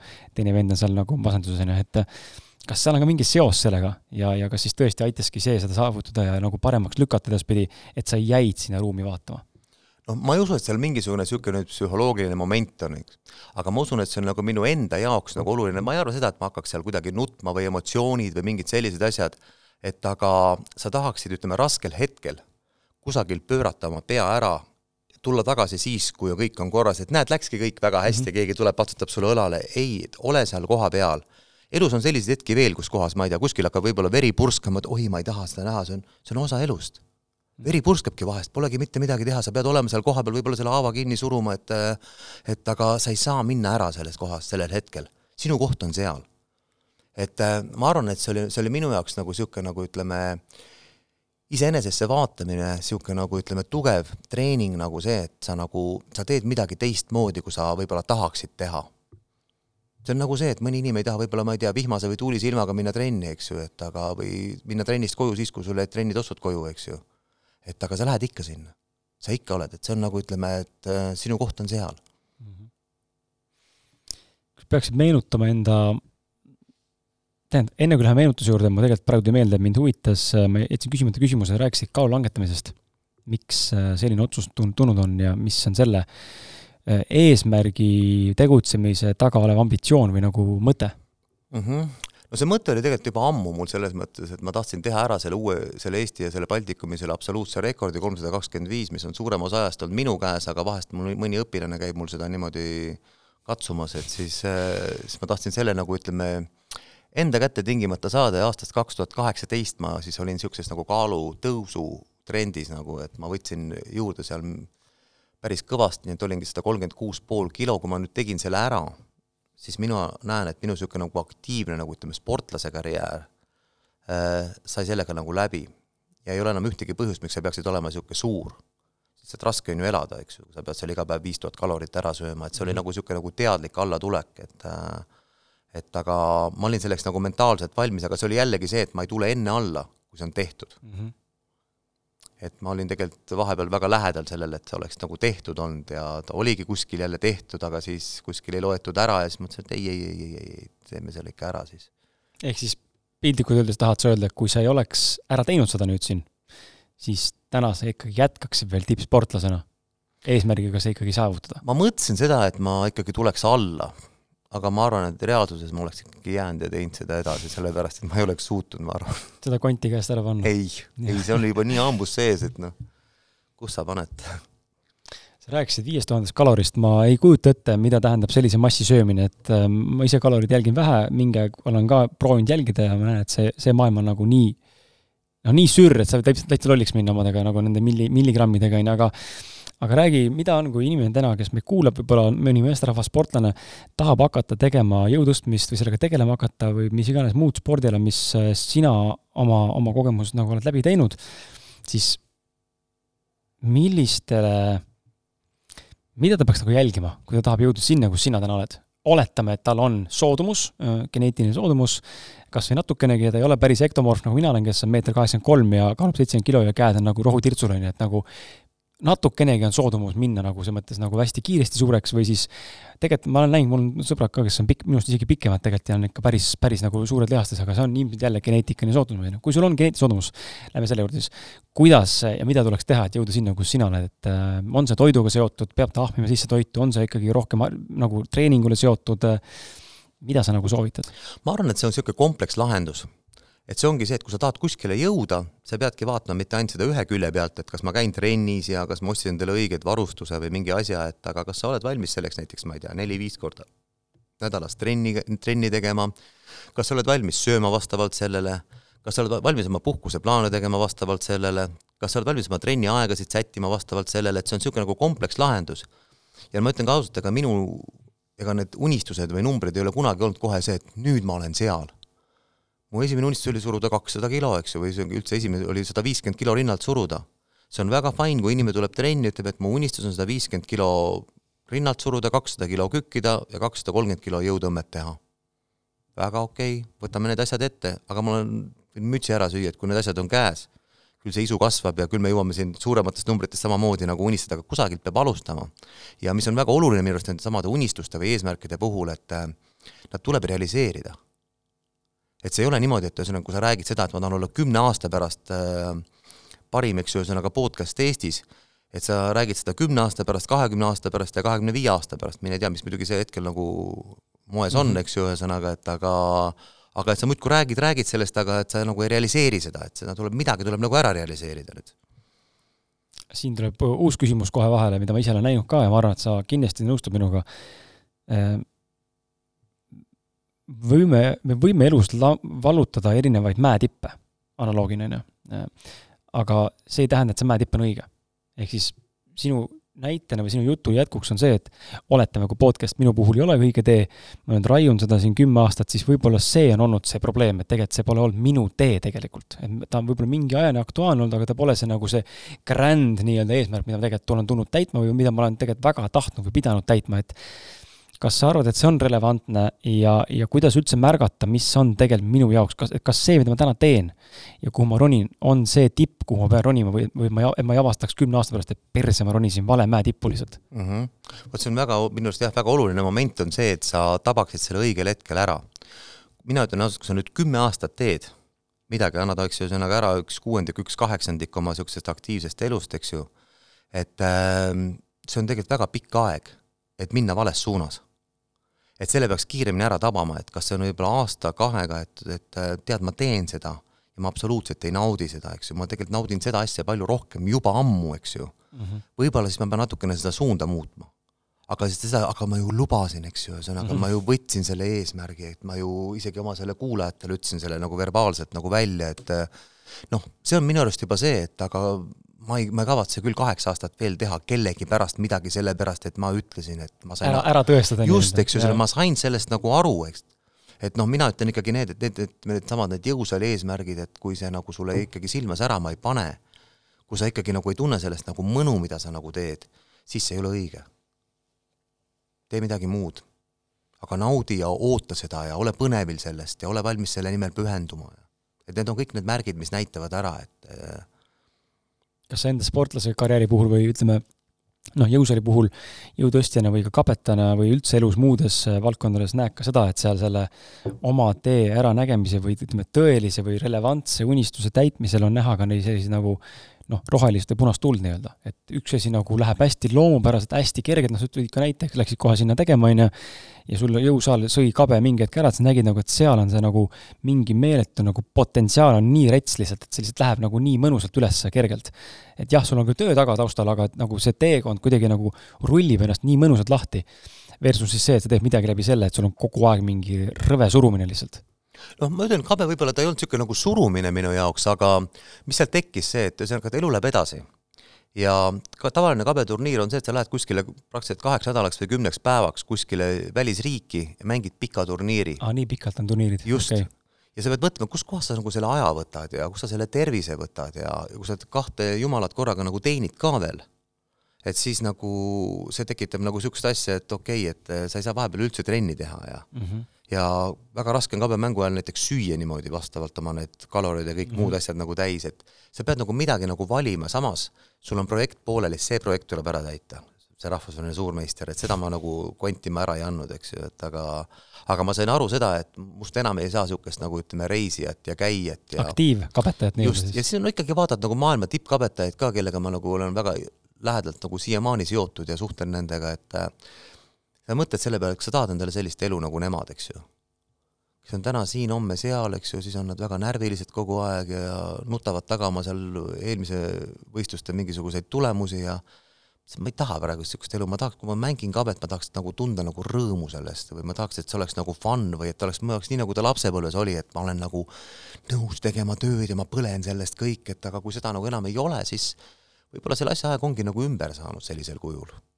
Kui sa vaatad, äh, tekkis sihuke huvitav nagu, huvitav nagu mõte korras küsimus sulle, et kui sa vaatad nüüd kabe, oletame, seda, kuidas seda siis reeglitepäraselt või ütleme, mm, kuidas seda tuleks teha ja kuidas seda tehakse, treeningud ja võistlused ja nii edasi, et jõuda nagu tippu, see teekond.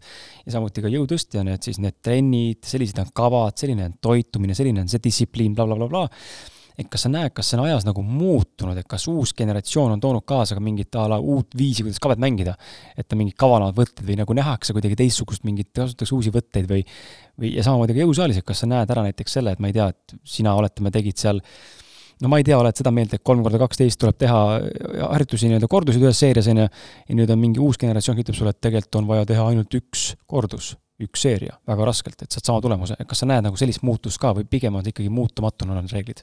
no eks need trendid muutuvad ja ma näen, et selle taga on eelkõige see, et täna on nagu ütleme, igasugused ütleme, treeningsüsteemid ja ütleme, igasugused samamoodi need ütleme, asjad on nagu väga avalikud, sa võid kuskile Youtube'i minna ja, ja kõik, me, kõik on olemas. kõik on olemas ja me lõpuks jäämegi nagu vaidlema, et äh, mis meetodi järgi me siis teeme mingit asja ja tänapäeval on väga niisugune nagu levinud asi nagu öelda, et ühesõnaga, et noh, mul on teadus taga. mis tegelikult ei tähenda nagu mitte midagi, sellepärast et äh, väga paljusid asju saab ju mõelda ka seda, et kes selle teaduse tellis ja kelle huvides see kõik mingi üks või teine asi nagu on, et et aga sa peadki mingisuguse süsteemi nagu valima ja hakkama proovima, hakkama seda arendama enda järgi, mitte alati olema kopeerija, vahet, vahest ka see, kes nagu ise midagi nagu loob või mingisuguse asja nagu ütleme, oma õpilaste jaoks on mõelnud nagu selgeks näinud, mis lihtsalt nagu töötab, et sama asi on tegelikult ka kabes, et et kui see, ütleme, aastakümneid tagasi oli seotud ikkagi inimese isikuga, et ma tunnen väga lugupeetud treenerit, kes teab ja suudab edasi seda anda, siis tänapäeval võta mingisugune, ma ei tea, sait lahti ja seal ongi see treener olemas et sa leiad nagu ütleme, selle materjali palju kergemini ja aga mis teeb seda, et mis ütleme, ei tule inimesele jälle nagu kasuks, sellepärast et kui seda on liiga palju, siis tundub, et ta on mul kogu aeg olemas ja mm -hmm. ta ei ole nagu nii väärtuslik. samas, kui see füüsiline inimene seal oleks, ma tahaks tast kõik nagu välja pigistada, sest et ta homme sõidab minema võib-olla. ehk siis seda eksklusiivsust on nagu justkui vähe, sest kõik muidugi, on liiga kättesaadav. liiga kättesaadav, liiga kerge jah, tead, ma tõmban siit nagu korraks paralleeli täiesti siia enda valdkonda, aga ma arvan, et sa nagu natuke samastud, võib-olla saame sellega pöörata sinu konteksti ja kuulajale ka, mulle täna tundub, et me oleme päris suurde parasiitluse nagu ajastusse jõudnud ja just nagu selles mõttes, et tarbimisparasiitlus, me ainult tahame saada kõiki asju tasuta, kuna infot on igal pool noh, tohku ja on ju, ja siis tekibki kõrvalt see tunne, et aga miks ma peaksin maksma millegi eest a la Kaido või Kris õpetab teha podcast'i, Kaido õpetab jõusaali, kui mul samal ajal lähen Youtube'i ja vaatan, kuidas podcast ida, kuidas jõusaalis trenni teha, on ju, kõik on tasuta olemas, et kaob ära just nimelt see eksklusiivsuse soov nagu olla kellegi mentorina või nagu õpipoisina juures, sest et kõik on tasuta ja miks ma ütlen parasiitlus niimoodi koledalt, natukene solvavalt võib-olla, on sellepärast, et see ongi, me ainult tahame saada, aga me ei anna mitte midagi enam vastu, on ju, et see on nagu minu meelest hästi kurb ja ma ei tea, kas sa näed sedasama asja ja ma ei, ma olen mõelnud, kuidas seda muuta, kas ongi siis oluline teha a la privaatsed klubi, klubid, eks ole, mingi liikmetasuga, kus on siis, sa treenid, eks ole, mul on privaatne klubi, kus mul liikmetasuga on saated või mingisugune, kuidas, kuidas teha parem midagi. et nagu kas siis see on see, mis loob selle väärtuse, sest et mul on tunne, et kui me ei maksa mingi asja eest, alati mitte, aga kui me ütleme, saame tohutus koguses tasuta asju, näiteks sinult mingit äh, coaching ut, eks ole, või treen-, treeneri nii-öelda nagu kogemust kümme aastat või kas või aasta järjest tasuta, siis ma arvan, et mingi hetk äh, me lõpetame sinu väärtustamise, selle väärtustamise, mida tegelikult annad, sest et see on tasuta. noh, tuli ja, ja, aga kuule, ma täna ei tule, et noh, sa nagunii olema, oled homme olemas ju nagunii, vahet pole siis. aga kui me maksame, siis me nagu hindame rohkem seda, panustame ka. ma olekski just nagu sinna välja tahtnud jõuda, et tegelikult kui me ei maksa mingi asja eest, siis me ei väärtusta seda oma elus ka samamoodi. et ükskõik, mis asi see on, et kui ma olen selle asja eest nagu maksnud, siis ma tahaksin, ma tahaksin nagu maksimum saada ja ma ei taha nagu kunagi maksta nagu lihtsalt selle eest, et ma maksan mm. -hmm. kui ma lähen mingisugusele koolitusele ja ma maksan selle koolituse, ma tahan saada ma tahaks, et need inimesed, kes seal on, nad samamoodi pingutaksid, annaksid, nad ei teeks kuidagi nagu üle põlve selle. ja ma tahaksin ise olla väga õppimismoodis. ma ei lähe sinna nina kirtsus kohale, et noh, mis sul mulle ikka anda eks mm -hmm. ma ise olen ka siin väikest viisi võll, et neid asju jagan ka, eks ju, et see tegelikult on väga vale suhtumine. ära üldse mine siis. täpselt, ära üldse, ära üldse torgi sinna, sellepärast et tõmbad ka teiste moti maha seal, eks ju. oma sellise kirtsusninaga niisuguse nagu suht-, suhtumisega. aga ma usun jah seda, et kui sa millegi eest nagu maksad ja kui sa millegi nimel paned oma aega mingi asja alla, et siis äh, noh, see on kahepoolne, treener peab olema all in ja peab olema see õpilane samamoodi all in.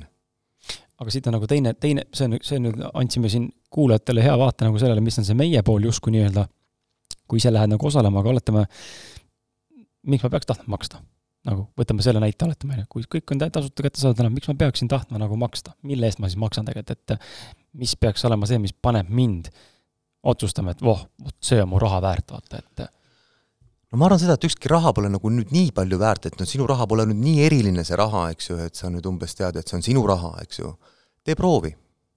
tee proovi mingi asjaga, et ma võtsin selle nüüd selle Youtube'ist selle tasuta asja, eks ju, vaatasin niimoodi, vahepeal vaatasin mingeid uudiseid või mingisuguseid muid asju või poole kõrvaga tegin seal veel mingisugust paberitööd sinna kõrvale või kui ma läksin niimoodi, et ma olin kaks või neli tundi seal täiesti millegile nagu pühendunud mm, -hmm. vaata, kas on vahe kui ei ole vahet, siis ära maksa.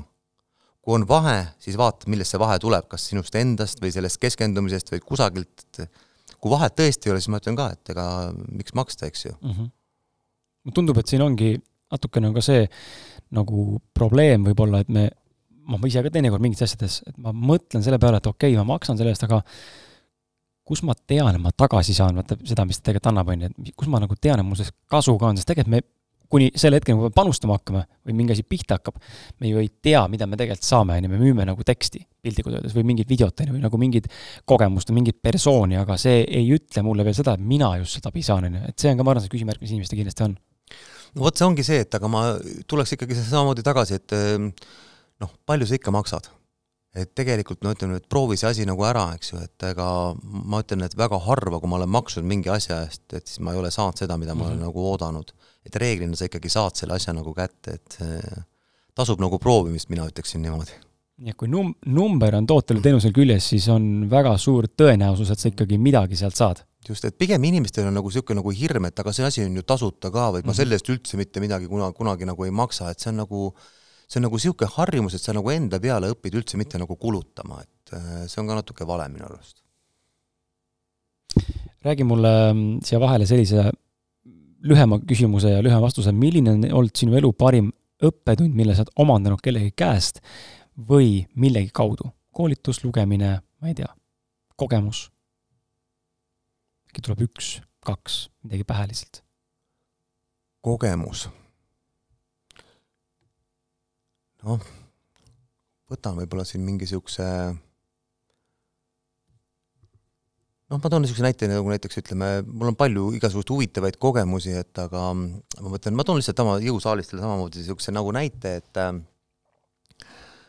tuleb su juurde keegi, kes võib-olla, kelle, keda sa nagu, kellele sa viskad nagu pilgu peale, annad talle hinnangu, paned talle hinnasildi ja mõtled, et äh, ei, ei, siin pole vist väga mõtet oma aega raisata, pole mitte midagi mõtet nagu kulutada ja aeg näitab, et sa eksid mm. -hmm. aeg näitab, et sa eksid, sa eksisid selle inimese suhtes, sa ei näinud seda nii, nagu võib-olla ta oli, ta sisu ei paistnud ka see hetk välja, et aga mingisugused olukorrad, mingisugune aeg võimendas neid väga positiivselt ja sealt tuli midagi väga suurt ja väga ilusat välja et äh, õppetund on siin selles, et tegelikult ära kunagi tee nagu niisuguseid nagu järeldusi liiga kiiresti või esmamulje nagu põhjal, et anna natukene aega settida, tavaliselt intuitsioon ei vea inimest alt. aga ta võib vahest nagu vedada ja siis on alati just natukene hea anda niisugune nagu ütleme settimise aeg. just, just, et ühesõnaga, et niisugune nagu jätta ka enda niisuguse kogemu, suurele kogemusele niisuguse nagu eksimisruum, et, et ka mina võin milleski nagu eksida mm. -hmm. Ma olen näinud seda, et, et väga niisugused, näiteks mulle endale on meeldinud, niisugused pikaajalised suhted nagu töötavad väga hästi. et see on kindlasti üks niisugune nagu asju, kus kohas ma olen alati nagu mõelnud, et mulle ei meeldi see, et võtta nagu mingisugune lühike eesmärk ja täita kohe ära või visata minema mingisugune asi või et umbes, et see suhe ei toimi, et siis ma lähen järgmisse suhtesse, eks ju, ühesõnaga. kus mustrid ilmselt korduvad. ja samamoodi, sellepärast et kui karakter ei muutu, mis siis muud muutub, eks ju, ühesõnaga pilt muutub ainult ju, et et, et mõelda nagu nende asjade peale samamoodi elus, et need on nagu minu arust ka niisugused nagu väärtused, millest väga kergesti lastakse lahti tänapäeval. täiesti, täiesti nõus sinuga, et seda nagu hea kuulata sa rääkisid enne siin, äh, kuidagi tuli jutuks meil lahtilaskmine ja, ja ma mainisin mõnesõnaliselt just seda, et sa oled siis Jõuduste Liidu presidendi ametikohalt tagasi astunud. Äh, räägi korraks ka, miks ja, ja, ja räägi, kui raske oli seda teha võib-olla või kui raske on üldse oma ehitatud, noh, täna tegelikult ka on kave seljatatud mingil määral, nüüd on ka siis ütleme, aktiivsport võib-olla jõutõstjana sellises, sellises panuses, sellises mahus ja sellises tasemel, kus sa vahepeal olid, on nagu ka ära antud nii-öelda, sest et kaal on kukkunud, eks ole, mingil määral, ja nüüd on ka see oma koha loovutamine, et mida, miks nagu sellised otsused ja, ja millised on uued pärusmaad ja kuidas on see sind nagu mõjutanud? eks ole niimoodi, et äh, ma olen Nõukogude Liidu president, olin kaheksateist aastat. Ja olla mingisuguse organisatsiooni eesotsas kaheksateist aastat on väga pikk aeg. ja tahes-tahtmata sa pead nagu mõtlema ju pärast edasi, et kas sa tahad olla veel kaheksateist aastat või mis siis saab nagu pärast sind ja kui sa mõtled nagu targa juhina ette, ma arvan, seda sa pead mõtlema, et äh, sa tahad, et noh, see organisatsioon oleks jätkusuutlik. ja ma ütlen ka seda, et ma ei oleks kunagi sealt presidendi kohalt tagasi astunud, kui ma ei oleks näinud või ära tunnetanud, et seal on niisugune nagu vääriline kandidaat. jah, kes nagu on valmis seda vedama või et seal oleks niisugune nagu meeskond, kes sellega nagu hakkama ka reaalselt saaks. sest on ju mingisugused püsiväärtused, millega me ei saa kompromissida et äh, ja lõpuks see inimene, kes ähm, sai äh, presidendiks, ta oli mul peasekretär kümme aastat.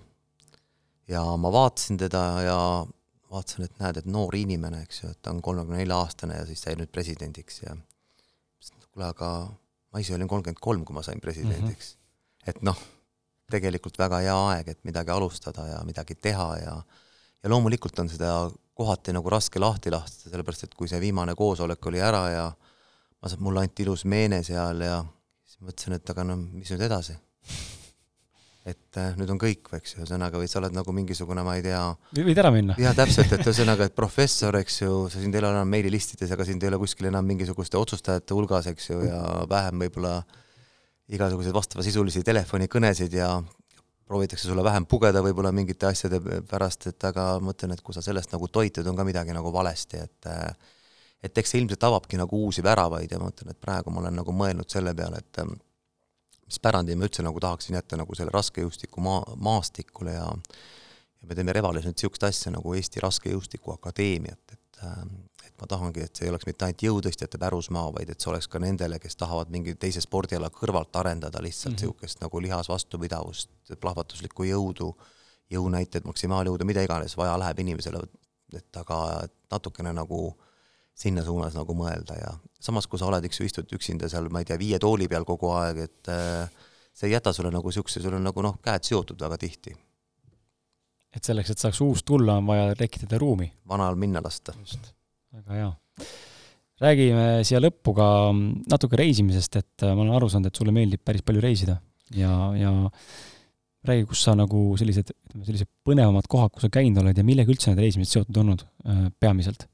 Eks nad hakkasid niimoodi pihta, et siin nõukaaja lõpus seal seoses võistlustega kuskile sattusid või midagi tegid, et aga aga reisimisest, noh, ma arvan ka seda, et kui sind hoitakse kuskil kakskümmend aastat tagasi millestki väga tõsiselt, et sa võid minna Lätti ja võid minna Usbekistani, eks ju, ja sellega põhimõtteliselt Nõukogude Liiduga kõik ju piirneski või rohkem sa kuskile ei saanud minna, siis kui see nagu piir nagu vabaks läks, siis mul noh, ma ei taha midagi muud öelda, aga mul arm mul lihtsalt katus sõitis, et Sü sügeles? täiesti, et kuskile minna, miskit, midagi teha ja ja küll mul tekkisid igast mõtted, ma tahan terve Euroopa läbi käia, siis sai terve Euroopa käidud, ma tahaks kõik maailma kontinendid läbi käia ja nüüd on mul uus projekt, et mul on äh, kõik need Põhjamaad vaja läbi käia, kõik need Alaskad ja Kamtšatkad ja ja Gröönimaad ja Islandid ja Teravmäed ja nüüd on mul seal paar tükki veel puudu, et, et et lihtsalt näha seda maailma, et USA-s ma olen olnud seal mitukümmend korda ja, ja Poolas olen olnud sada kakskümmend korda, et aga aga ma olen käinud jah, kuskil sada kakskümmend riiki läbi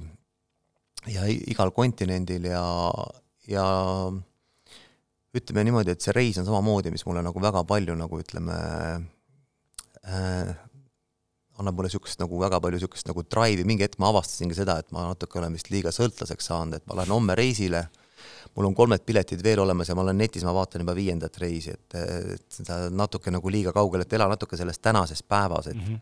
et selles mõttes see viimase aasta paast, et ma käisingi eelmine aasta käisin, kevadel käisin Ukrainas ja käisin Ameerikas ja nüüd ongi kõik põhimõtteliselt selle koha pealt, et ma pole aasta aega Eestist väljas käinud, et ja siis ma mõtlesin ka selle kohta, et ka, ka see on hea.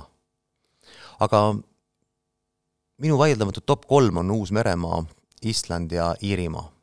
Et need on need kohad, kus ma mitu korda olen käinud, kus ma mõnuga alati tagasi lähen, et seal on midagi, mis nagu tõmbab, kas see on natuke selles rahvas kinni, selles ürgses looduses või selles, ütleme, selles eripäras, et aga aga Aafrika mulle väga meeldib Aafrika mulle väga meeldib just nimelt kuskil, mitte seal Egiptuses või kuskil niisuguses kuurortis olla, et aga just käia, suhelda lihtsate inimestega, see on reaalne elu, noh. just, ja sa näed seda, et me oleme palju rohkem sarnased, kui me arvame mm. -hmm. Et need on niisugused asjad, mis mind nagu kindlasti ja noh.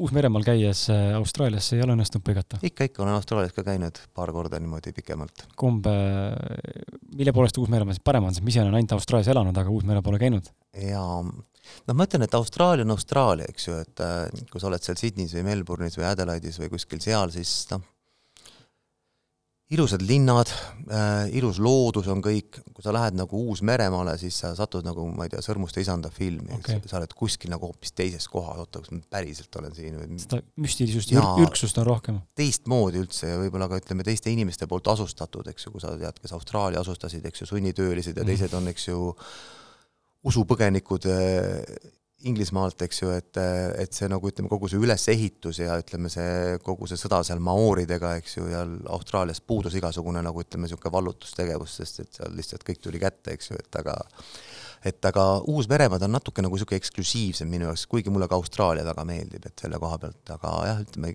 Vaikse ookeani saared, nad on kõik niisugused, et noh, tõsiselt kohe vaatad neid inimesi seal ja mõtled, et ahah, et niimoodi annab ka inimest teha, et väga lahe, äh, Kaido, lõppu küsin sinu käest siis, äh, on midagi täna, mis sa tahaksid veel öelda siia lõppu? midagi, mida me ei puudutanud täna, midagi, millele ma ei osanud äkki tähelepanu juhtida või midagi küsida või lihtsalt midagi, mida sa tunned, et sa tahaksid lihtsalt öelda kuulajatele veel? ma arvan seda, et me tegelikult ju oktoobrikuus võib-olla paljudega kohtume isegi füüsiliselt, kui meil tuleb see konverents, et äh, ma kindlasti nagu mõtlen seda, et kui kellelgi äkki on, ma ei tea, mingisuguseid küsimusi või keegi tahab midagi nagu ütleme, millestki abi saada, siis mina olen alati nagu selles mõttes olen valmis jagama seda kõike, mis mulle on antud, et äh, rõõmuga võib minuga võtta ühendust kas meili teel või mingisugust muud suhtluskanalist pidi, Facebooki mul küll ei ole, aga aga kus sind siis leida saab, kui Facebooki ei ole? mul ei ole Facebooki, aga mul on meiliaadress olemas, mul on isegi Whatsapp on olemas. ahah, vot, vot, olen... isegi mul ei ole Whatsappi veel, et sul juba on saad sammud ees ja no vot, et ühesõnaga, et ma rõõmuga jagan kõike seda, mis mulle on antud või mida ma ise olen oma elus siin kogenud või läbi käinud. väga lahe, aitäh sulle! aitäh, oli väga vahva rääkida. väga vahva oli ja mul on sulle kaks kingitust ka.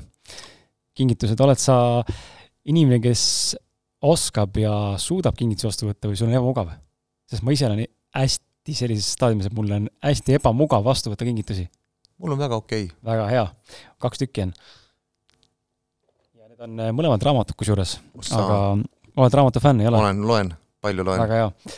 mõlemad on pühendusega, üks on minu enda raamat, äh, see on küll eelmine raamat, mitte siis see uus, mis on podcast'i pealt ilmunud, aga eelmine raamat, mille ma kirjutasin Austraalias, hakkasin kirjutama ja sinna sisse põimitud siis minu Austraalia kogemus, äh, kaheaastane kogemus äh, koos sanga operatsioonide ja muude asjadega farmitöölisena ja lõpuks siis nii-öelda peaaegu et rikkaks saamisega ja koju tulemisega, ma arvan, et sul on kindlasti huvitav lugeda, meenutada äh, just nagu ka selle ütleme siis Cairns, Cairns ja Sydney ja Melbourne'i ja sellist Brisbane'i kanti.